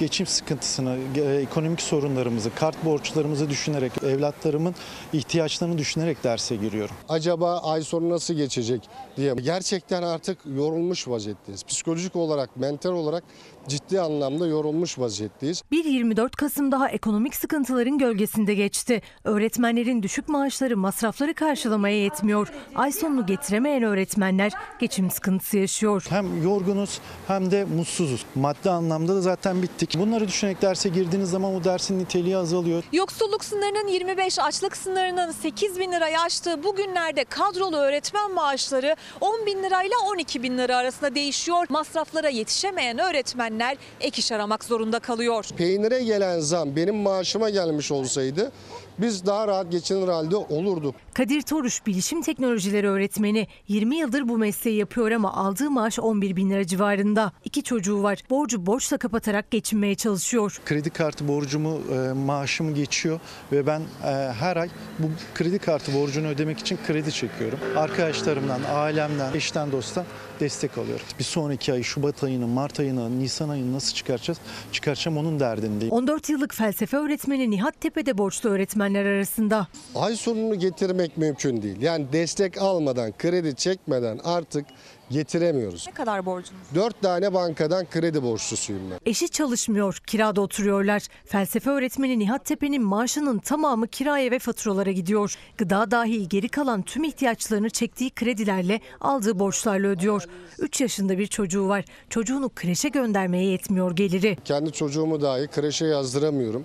Kendi ailemin ihtiyaçlarını karşılayamaz bir hale geldim ve bunun yüzünden geçirebilmek için de durmadan kredi çekiyorum. Kredileri kredilerle kapatmaya başladık. Ücretli öğretmenlerin maaşları daha da düşük. Özel okullarda çalışan öğretmenlerin çoğu da asgari ücret olan 5500 lirayla geçinmeye çalışıyor. Emekli öğretmenler de açlık sınırının altında yaşam mücadelesi veriyor. Emekli olduğumuz zaman bizi daha kötü günler bekliyor. Çünkü bize verilen ek ödemelerin çoğu taban aylıklara yansımıyor. Şimdi Kars Sarıkamış'a doğru gideceğiz ama öncesinde bir iki mesaj okuyalım. Sinan Sözmen demiş ki İstiklal Caddesi yasağı geçici mi kalıcı mı? Müzik yasaklarıyla mücadele ederken yeni bir yasağın getirilmesi hepimizin işini daha da zorlaştırmaz mı? Yasak üzerine konan yasakların adı yok diye başlığımıza atıfta bulunarak bir mesaj göndermiş sevgili izleyenler. Bir son dakika gelişmesi olarak İstanbul Valiliği'nin yaptığı açıklamayı ekrana taşımıştık hatırlarsanız. İstiklal Caddesi'nde e, bir dizi yasaklar silsilesi açıklandı. İşte ticari faaliyetler, sosyal faaliyetler, işte e, orada müzisyenlerin, sokak sanatçılarının e, artık eylem ya da işte şarkı söyleyemeyeceği, enstrüman çalamayacağına yönelik bir dizi yasaklama geldiği yönünde bir son dakika bilgisi aktarmıştık. Hemen mesajlarınızda yankısı geldi. Şimdi Sarıkamış'a doğru gidelim dedik. Oraya doğru kamerayı çevirmek gerekirse Panorama Müzesi var Kars Sarıkamış'ta. Ama müzeyle alakalı kafalarda soru işaretleri de var. Neden? Sarıkamış Müzesi 3 yıldır açılmıyor. İnşaat bitti, her şey hazır. Sarıkamış Panorama Müzesi tamamlandı. Aradan 3 yıl geçti, hala açılışı yapılmadı. Kalp ve damar cerrahı Profesör Doktor Bingür Sönmez müzenin açılmadan eskimeye başladığını söyledi. Kullanılmayan bina gerçekten eskiyor. Ee, ressam e, Rasim Cambaz'ın bana telefonda yakınması şöyle oldu. Hocam çok soğuk, eksi 30 derece, 40 derece, kaloriferler yanmıyor, giren çıkan yok, bakım yok, resimlerdeki boyalar dökülmeye başladı bile diyor. Kars'ta açılacak müze için döneme ait paha biçilmez eşyalar biriktirdi yıllarca Profesör Bingür Sönmez. Madalyalar, yazışmalar, cephede kullanılan silahlar. Elindeki hazineyi müzeye devretmek isterken Sarıkamış Panorama Müzesi'nin bir türlü açılmamasına tepki gösterdi. Son 15 yıldır köylerden topladığım, müzelerden aldığım bu değerli eşyaları e, Sarıkamış'a göndereceğim. Ayrıca bazı ailelerin bana emanet ettiği madalyalar var. Hatta Hasan İzzet Paşa'nın liyakat madalyası var. Hasan İzzet Paşa'nın özel telgrafları var. Enver Paşa olan yazışmaları var. Çok ciddi tarihi belgeler var. Bunları ben ne yapacağım? Sarıkamış Panorama Müzesi tüm mimari görkemiyle içinde ziyaretçileri o döneme götürecek atmosferiyle hazır. Ne zaman açılacağı merak ediliyor. 2000 metrekarelik bir inşaat 7, 7 dönümlük bir arsa üzerine. Burada 17 bin tane Sarıkamış Kafkas Cephesi şehidinin künyesi var. Tek cümle Sarıkamış Müzesi neden açılmıyor? Sevgili izleyenler söz verdiğimiz bir diğer yayın konuğumuz Gülizar Biçer Karaca. CHP Genel Başkan Yardımcısı e, hukukçu kimliğiyle bugün 25 Kasım için stüdyomuzda. Kendisi bir de uzaklardan da geldi. Böyle kocaman bir hoş geldinle karşılayayım sizi Gülizar Hanım. Çok Nasılsınız? teşekkür ederim. İyiyim. Sizler nasılsınız? Günümüz kutlu olsun. Ya bugün kutlamıyoruz. Bugün Kutlanıyor 25 mu? Kasım farkındalık günü. Kutlamayalım. İstesek de kutlanmıyor mu? Evet, kutlanmıyor. Çünkü bugünün anlam ve önemi de bir anma günü olarak. Aslında şiddetle mücadele günü ve şiddete uğramış kadınların ve kadın cinayetinde de kaybettiğimiz kadınlar için de bugün hem mücadele hem bir anma günü diyelim. E, çünkü bugün kutlanacak bir gün ama ne zaman kutlayacağız? E, bu ülkede bu dünyada bir tek kadının bile şiddete maruz kalmadığı, Kadın bir olduğu için. Evet, kadın olduğu için şiddete maruz kalmadığı, kadın olduğu için katledilmediği, öldürülmediği günler geldiğinde bugünü hep birlikte kutlayacağız. Yani e, kadın olduğumuz için şiddete maruz kaldığımız, kadın olduğum, olduğumuz için e, tanıdığımız tanımadığımız ama çoğu zaman da çok yakınımız tarafından e, katledilme ihtimalimizin çok yüksek olduğu Evet. ve sonrasında da cezasızlık ihtimalinin de çok yüksek olduğu bir ülkede yaşadığımız için maalesef mesela konuyu şuraya taşıyamıyoruz. Ben sık sık söylerim böyle hani devamlı izleyicilerimize belki tekrar olacaktır. Biz işte istihdamından, e, eğitim seviyesinden, sokakta e, hani onu Evet. var edemediğimiz için hani konuyu bu tarafa taşıyamıyoruz. Eşit işe eşit ücret veriliyor mu? İşte aynı işi bir kadın bir erkek yapıyorken kadın neden daha az maaş alıyor? Evet. Sorusunu sormaya gelmek için, sıranın gelmesi için önce o kadınları yaşatabilmemiz lazım. Ama ya kadını ülkemizde- güçlendirmemiz lazım Ezgi Hanım. Kadının güçlenmesi Hı hı. lazım. Her alanda güçlenmesi lazım. Ee, kadın ve erke erkeğinin e, bugün sınırsız kullandığı hakların birçoğunu kadınlara kullandırmıyorlar. Kullandırılmıyor. Bu bir siyasi tercih aslında. Bir yani bir e, o hakların bizim yasalarımızda, düzenlemelerimizde olmadığı için değil. Bir tercih meselesi olarak maalesef kadın bir aile içerisinde hapsedilerek kadın olarak varlığı yok sayılmaya çalışılıyor. Bu bir tercih meselesi aslında. O nedenle e, bunların hepsini konuşursak, hepsini gündeme taşırsak, eşit işe eşit ücretten, eğitim hakkından, sağlık hakkından, e, sanat hakkından, e, düşünce ve ifade özgürlüğü hakkından kadınların da bu hakları olduğunu ve kadınların da bu haklarının varlığından haberdar olarak ben hakkımı istiyorum dediğinde aslında şiddetin de cinayetlerin de önüne geçmek için çok ciddi bir yol kat etmiş olacağız. Halbuki biz öyle bir ülkeyiz ki, öyle bir liderin kurduğu bir ülkeyiz ki pek çok bugünün gelişmiş dünya e, ülkesine göre çok daha erken kadına pek çok hakkın verildiği bir ülkeyiz. E, özellikle komşumuz İran'da yaşananlara baktıkça iyi ki Türkiye, iyi ki Atatürk diyoruz. İsterseniz e, Cumhuriyet'in kadınlarına, kadının Cumhuriyet'ine bakalım.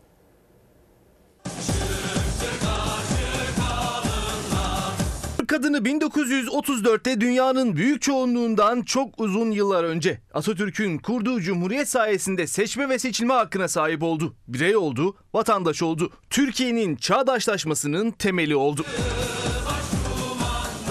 Anadolu'nun ilmek ilmek işlediği cumhuriyetle birlikte Türk kadını seçme ve seçilme hakkını kazandı. 1930'larda dünyada hatta batıda bile kadının adı dahi yoktu.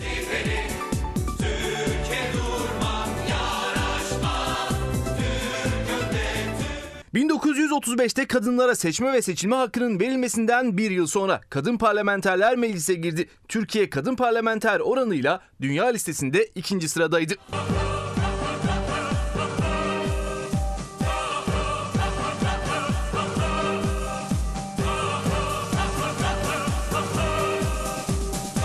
Cumhuriyet kadınların sosyal ve siyasal hayata karışmasını sistemleştirdi, kanunlaştırdı. Kadının toplum hayatındaki yerini üstelik birçok batı toplumundan önce seçme seçilme hakkı vererek sağlamlaştırdı.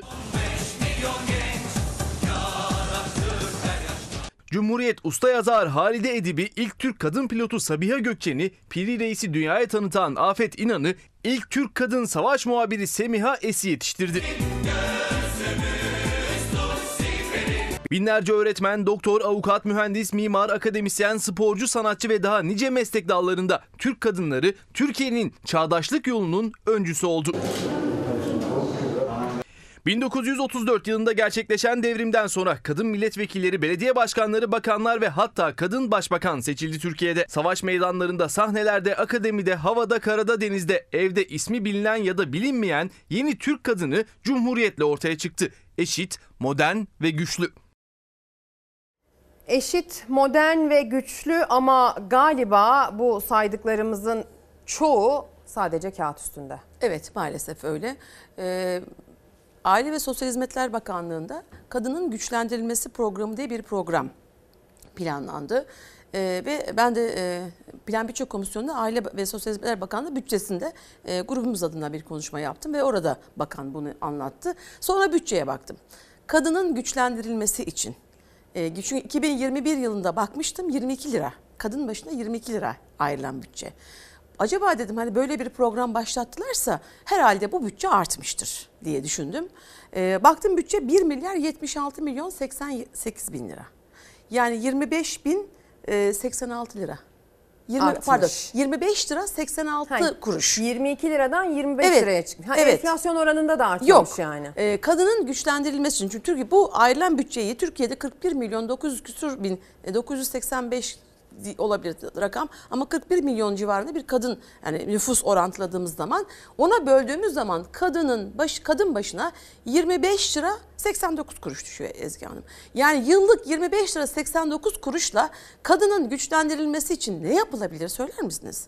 Ama e, baka, aynı bakan neyi açıkladı? Dedi ki biz Suriyeli sığınmacılar için bütçeden 45 milyar lira ayırdık dedi.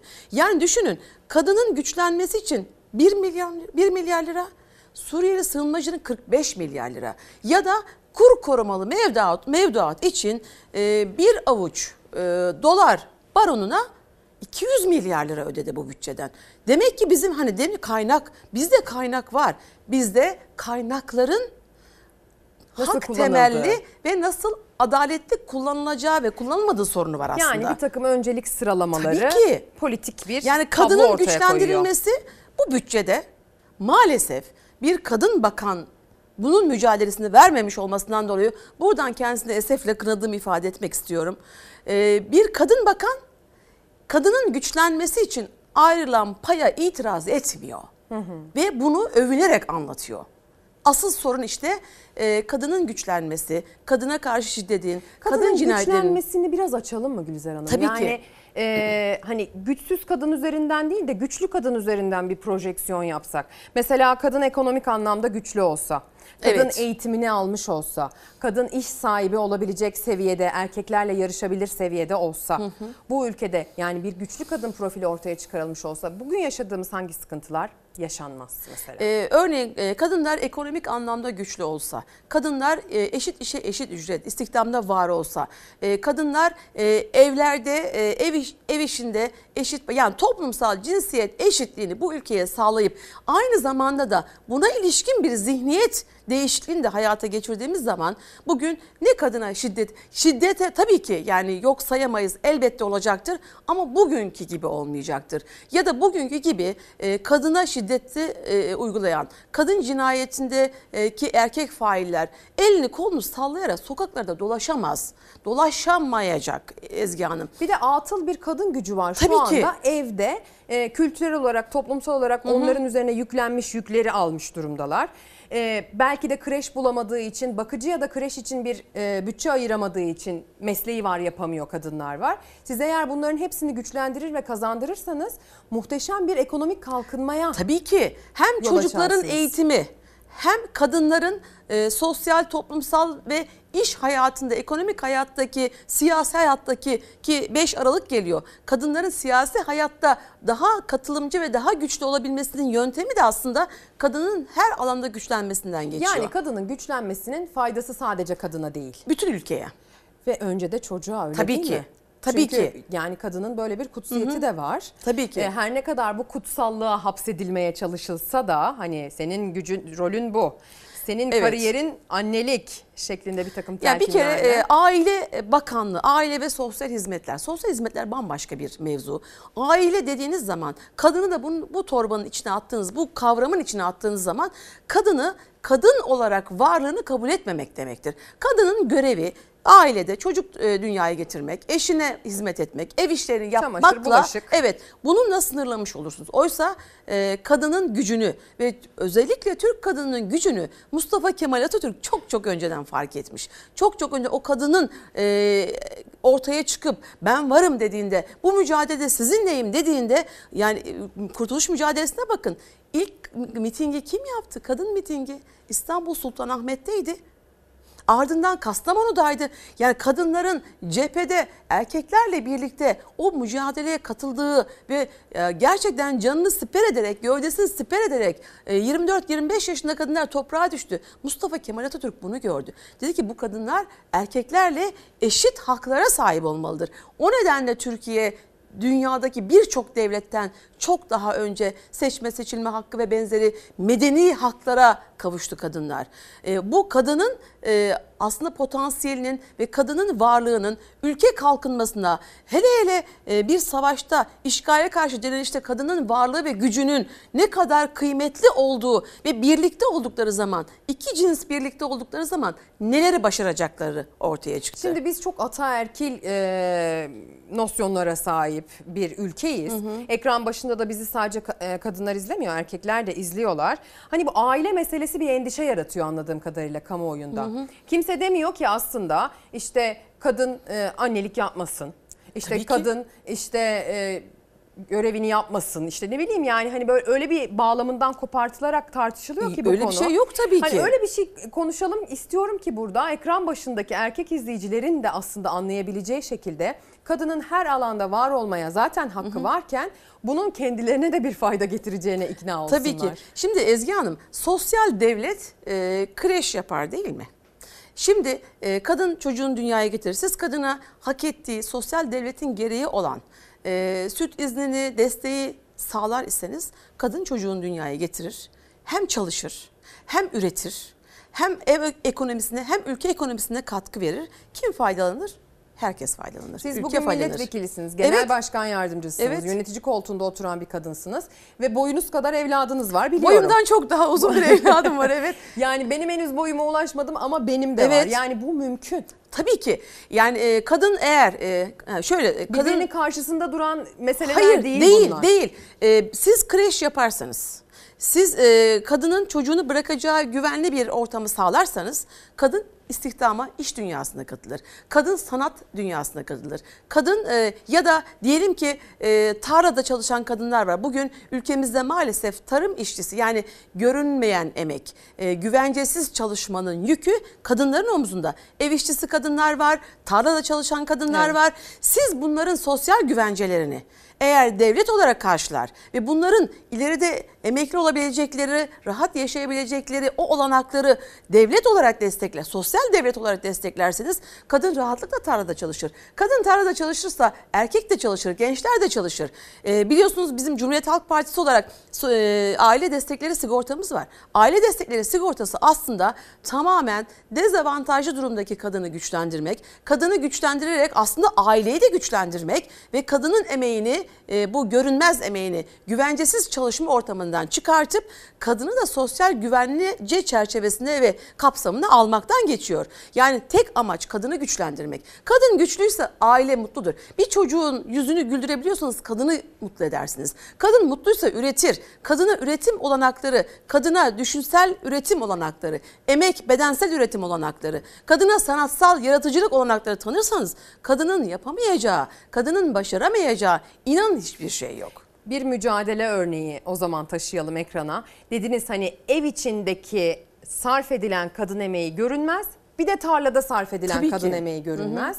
Tabii Türkiye'nin e, böyle kılcal damarlarında, köylerinde hala oraya tutunarak yaşamaya devam eden e, kadınlar var. Köyde yaşayan kadınlarımız var. Onları e, tarım haberlerinde, buna dair ekonomik haberlerimizde çok çok ekrana taşıyoruz ama bir adres var. E, Muğla'nın e, İkizköylü kadınları.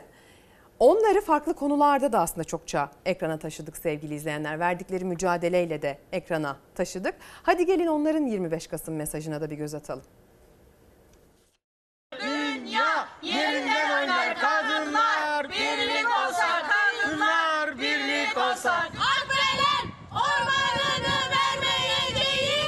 Ormanlarındaki zeytin ağaçlarını ve sahip oldukları tüm doğal güzellikleri korumak içindi verdikleri mücadele.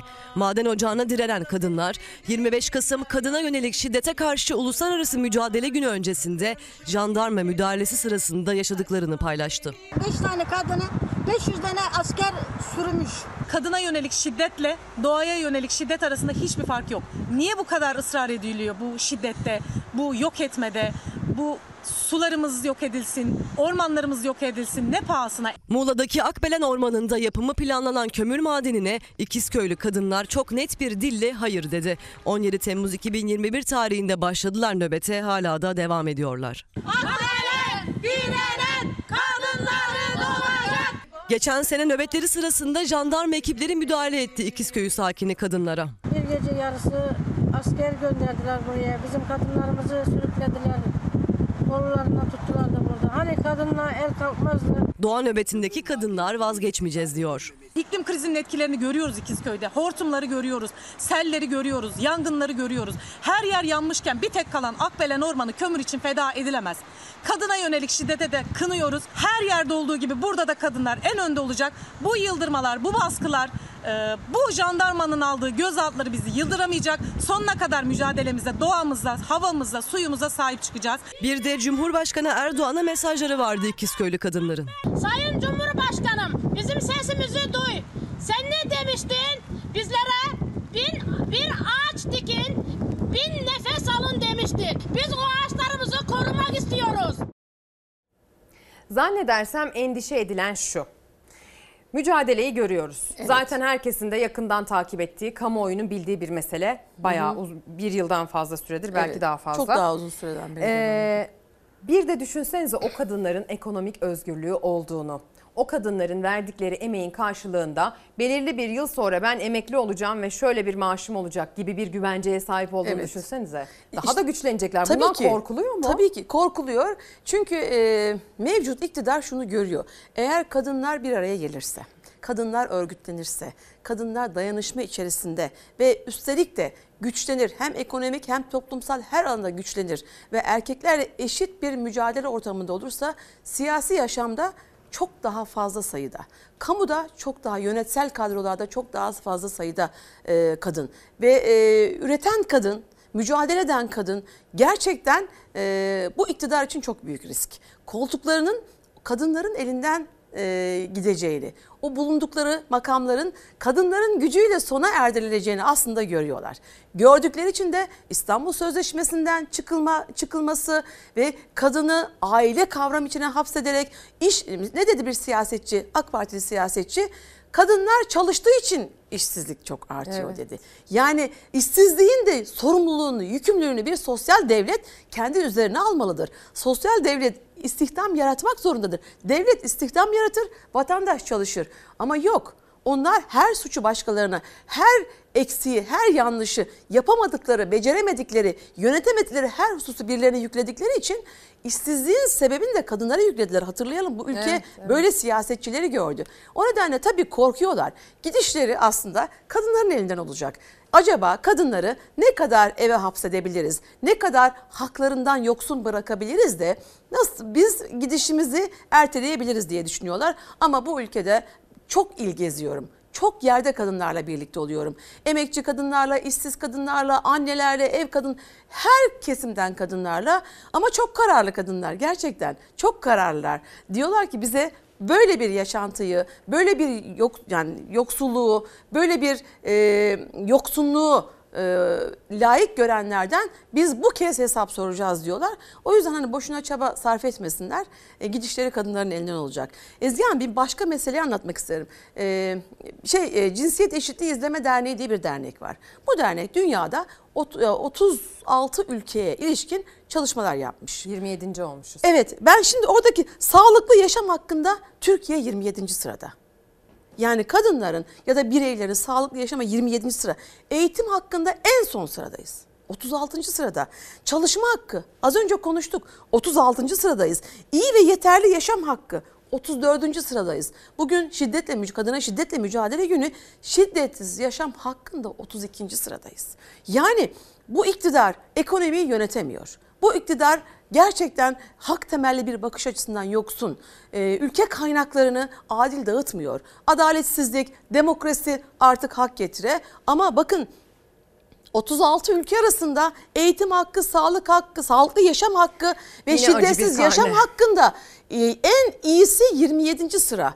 36. sırada eğitim hakkında biz e, eğitimle bu ülkeyi düze çıkaracağız. Biz eğitimli Başka kadrolarla bu ülkeyi düze çıkaracağız. Ve eğitim hakkında geldiğimiz noktaya bakar mısınız? Maalesef. Bir de işin yoksulluk boyutunu konuşalım isterim. Tabii ki. Çünkü içinde bulunduğumuz durum e, çok yoksullaştığımız hatta yoksulluğun artık sefalete döndüğü bir durum. Evet maalesef. Şimdi her durumda olduğu gibi bir işte depremde olsa, bir afette olsa, bir kriz, herhangi bir konuda bir kriz yaşansa her zaman için en zayıf halkalardan başlayarak maalesef zarar veriyor. Şimdi toplumun da zayıf halkaları ekonomik anlamdaki güçsüz olan kadınlar halkalardan Dezavantajlı, bir tanesi. evet, maalesef. Hı hı. Yani bu dezavantaj nedeniyle aslında e, yoksulluğun kadınlaşması, Evet. kadınların yoksullaşması gibi bir sürece de doğru gidiyoruz. Evet, yani evet, şöyle maalesef. söyleyeyim. Orta düzeyde gelir aldığını söyleyebileceğim, tanıdığım kendi çevremdeki insanların son dönemde işte kreşsizlik ve e, çocuğunun bakımıyla ilgili hizmet alamama sık erişilebilir hizmete Evet. ulaşamama sıkıntısı yüzünden işi bırakmayı düşünen avukat arkadaşım var. Yani e, bu yoksulluk ve bu ekonomik kriz bir de düşünün ki hani orta alt seviyeleri ya da daha alt seviyeleri kim bilir nasıl etkiliyor. Bu yoksulluğun kadını getirdiği nokta dolayısıyla çocuğa etkisini de biraz konuşabilmeliyiz 25 Kasım tarihinde. Tabii ki. Ee, tabii ki e, yaşanan e, ülkedeki ekonomik buhran derinleştikçe e, ilk bundan yani ekonomik buhranın en ağır yükü maalesef kadınların üzerinde, kadınların omuzlarında. Çünkü akşam evde e, yeme, e, çocuğuna yemek yapmak zorunda olan kadın, sofraya yemek getirmek zorunda olan kadın. E, az önce hani sahada çok gezdiğimizden bahsettik. E, bugün bu programa çıkacağımızı sosyal medyada paylaşınca Van'dan bir kadın beni aradı. E, Sayın Vekilim dedi, şunu söylemenizi istiyorum günlerdir, aylardır biz sebze, meyve almıyoruz. Et almıyoruz, yumurta almıyoruz. Benim çocuklarım bizim evde artık meyve kokusunu özledik.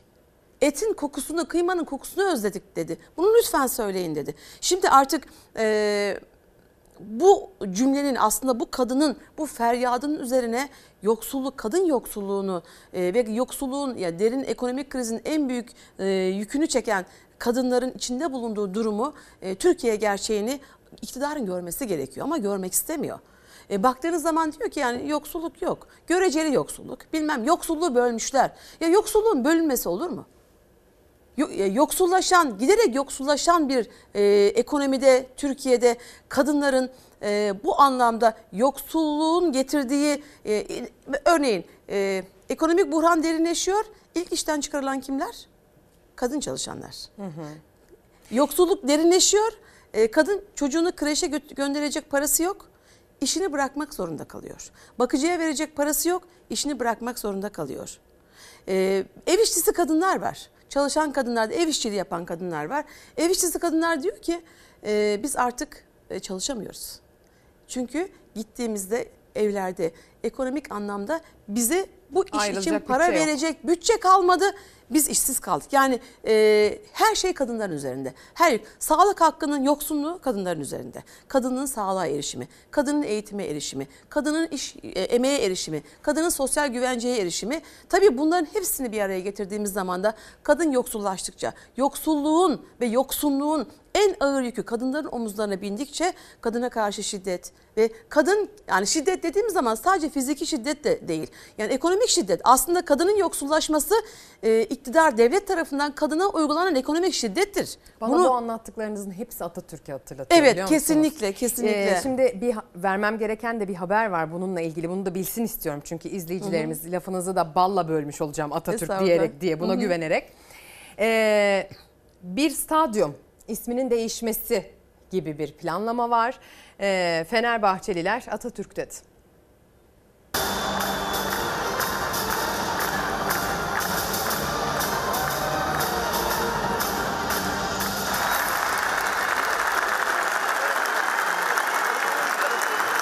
Fenerbahçe Spor Kulübü için var olan 1907 Fenerbahçe Derneğimizin 30. kuruluş yıl dönümü hayırlı uğurlu kutlu olsun. 1907 Fenerbahçe Derneği'nin 30. yılı büyük bir coşkuyla kutlandı.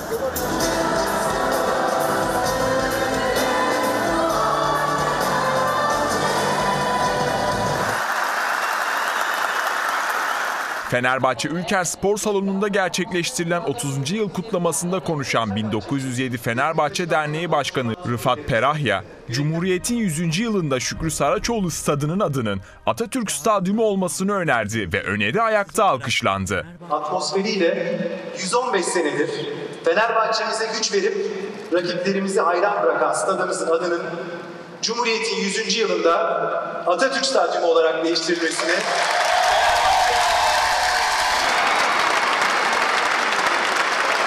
İyi ki Fenerbahçeliyim. Bizi her zaman mutlu eden ve o tansiyonun hakkını veren, o gerilimin sonrasında da yüklü bir mutluluk veren bir takımımız var. Bu büyük bir gurur.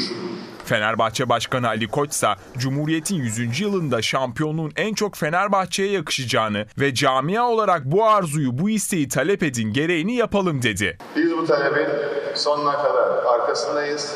Bu arzuyu, bu isteği ivedilikle 100. yılımız tamamlanmadan belki de 29 Ekim'de 2023 yılında hayata geçirelim. Gecede sahne alan sanatçı Fahir Atakoğlu'yla Mor ve Ötesi grubunun performanslarıyla kutlama devam etti.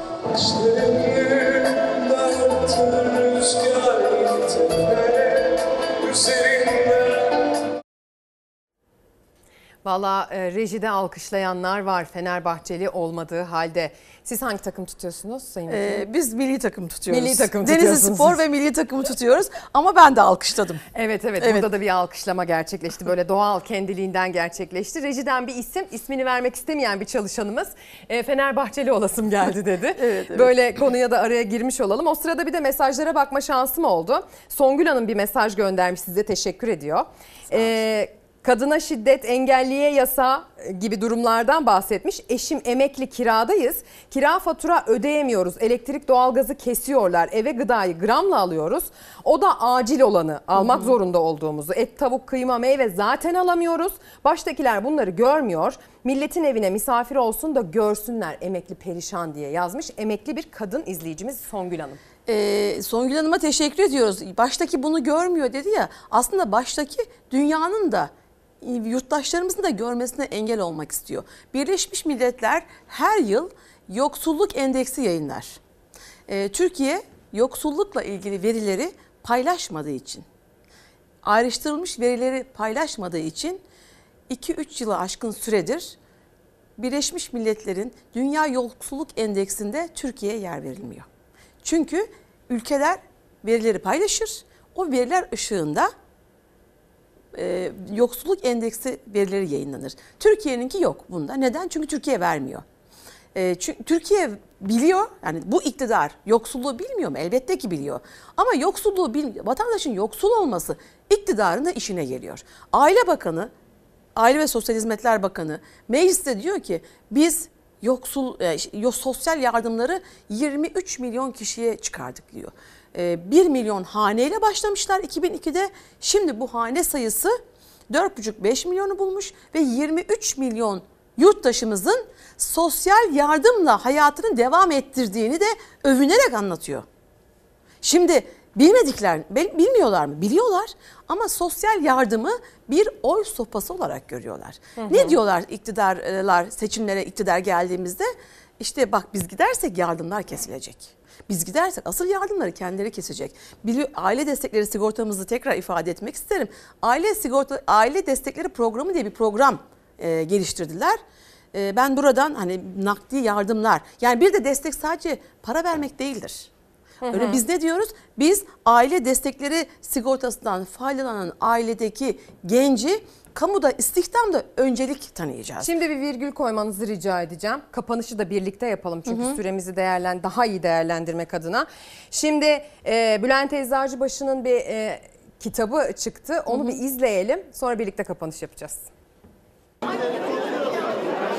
İş insanları ne yapar dediğin zaman çok kısa söyleyeyim bir cümleyle söyle dersen e, iki ana başlık var. Biri karar almak, biri iletişim. Burada çeşit çeşit konularda aklımızda bulunsun başlığı altında sayıp dökülen bir takım fikirler var.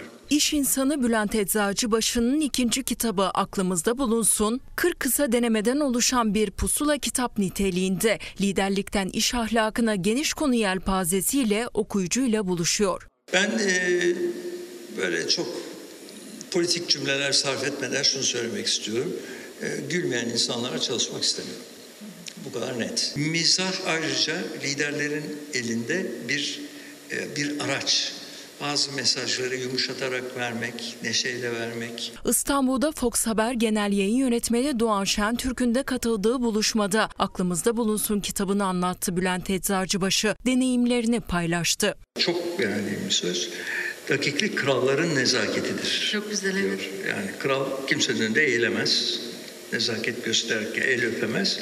Ama dakik olarak, dakik olmakla nezaketini, başkasına saygısını gösterir. Gerçek itibar kendi kendini inşa eden itibar. İtibarlı olayım diye yapılan bir şeyden itibar çıkmıyor. Bülent Eczacıbaşı aklımızda bulunsun kitabında iş dünyası meselelerini can alıcı noktalarına değinerek keyifli bir sohbet tekniğiyle tartışıyor. İstanbul'daki buluşmada da fikirlerini içtenlikle paylaştı. Bizim gençlerimizin yapısı o.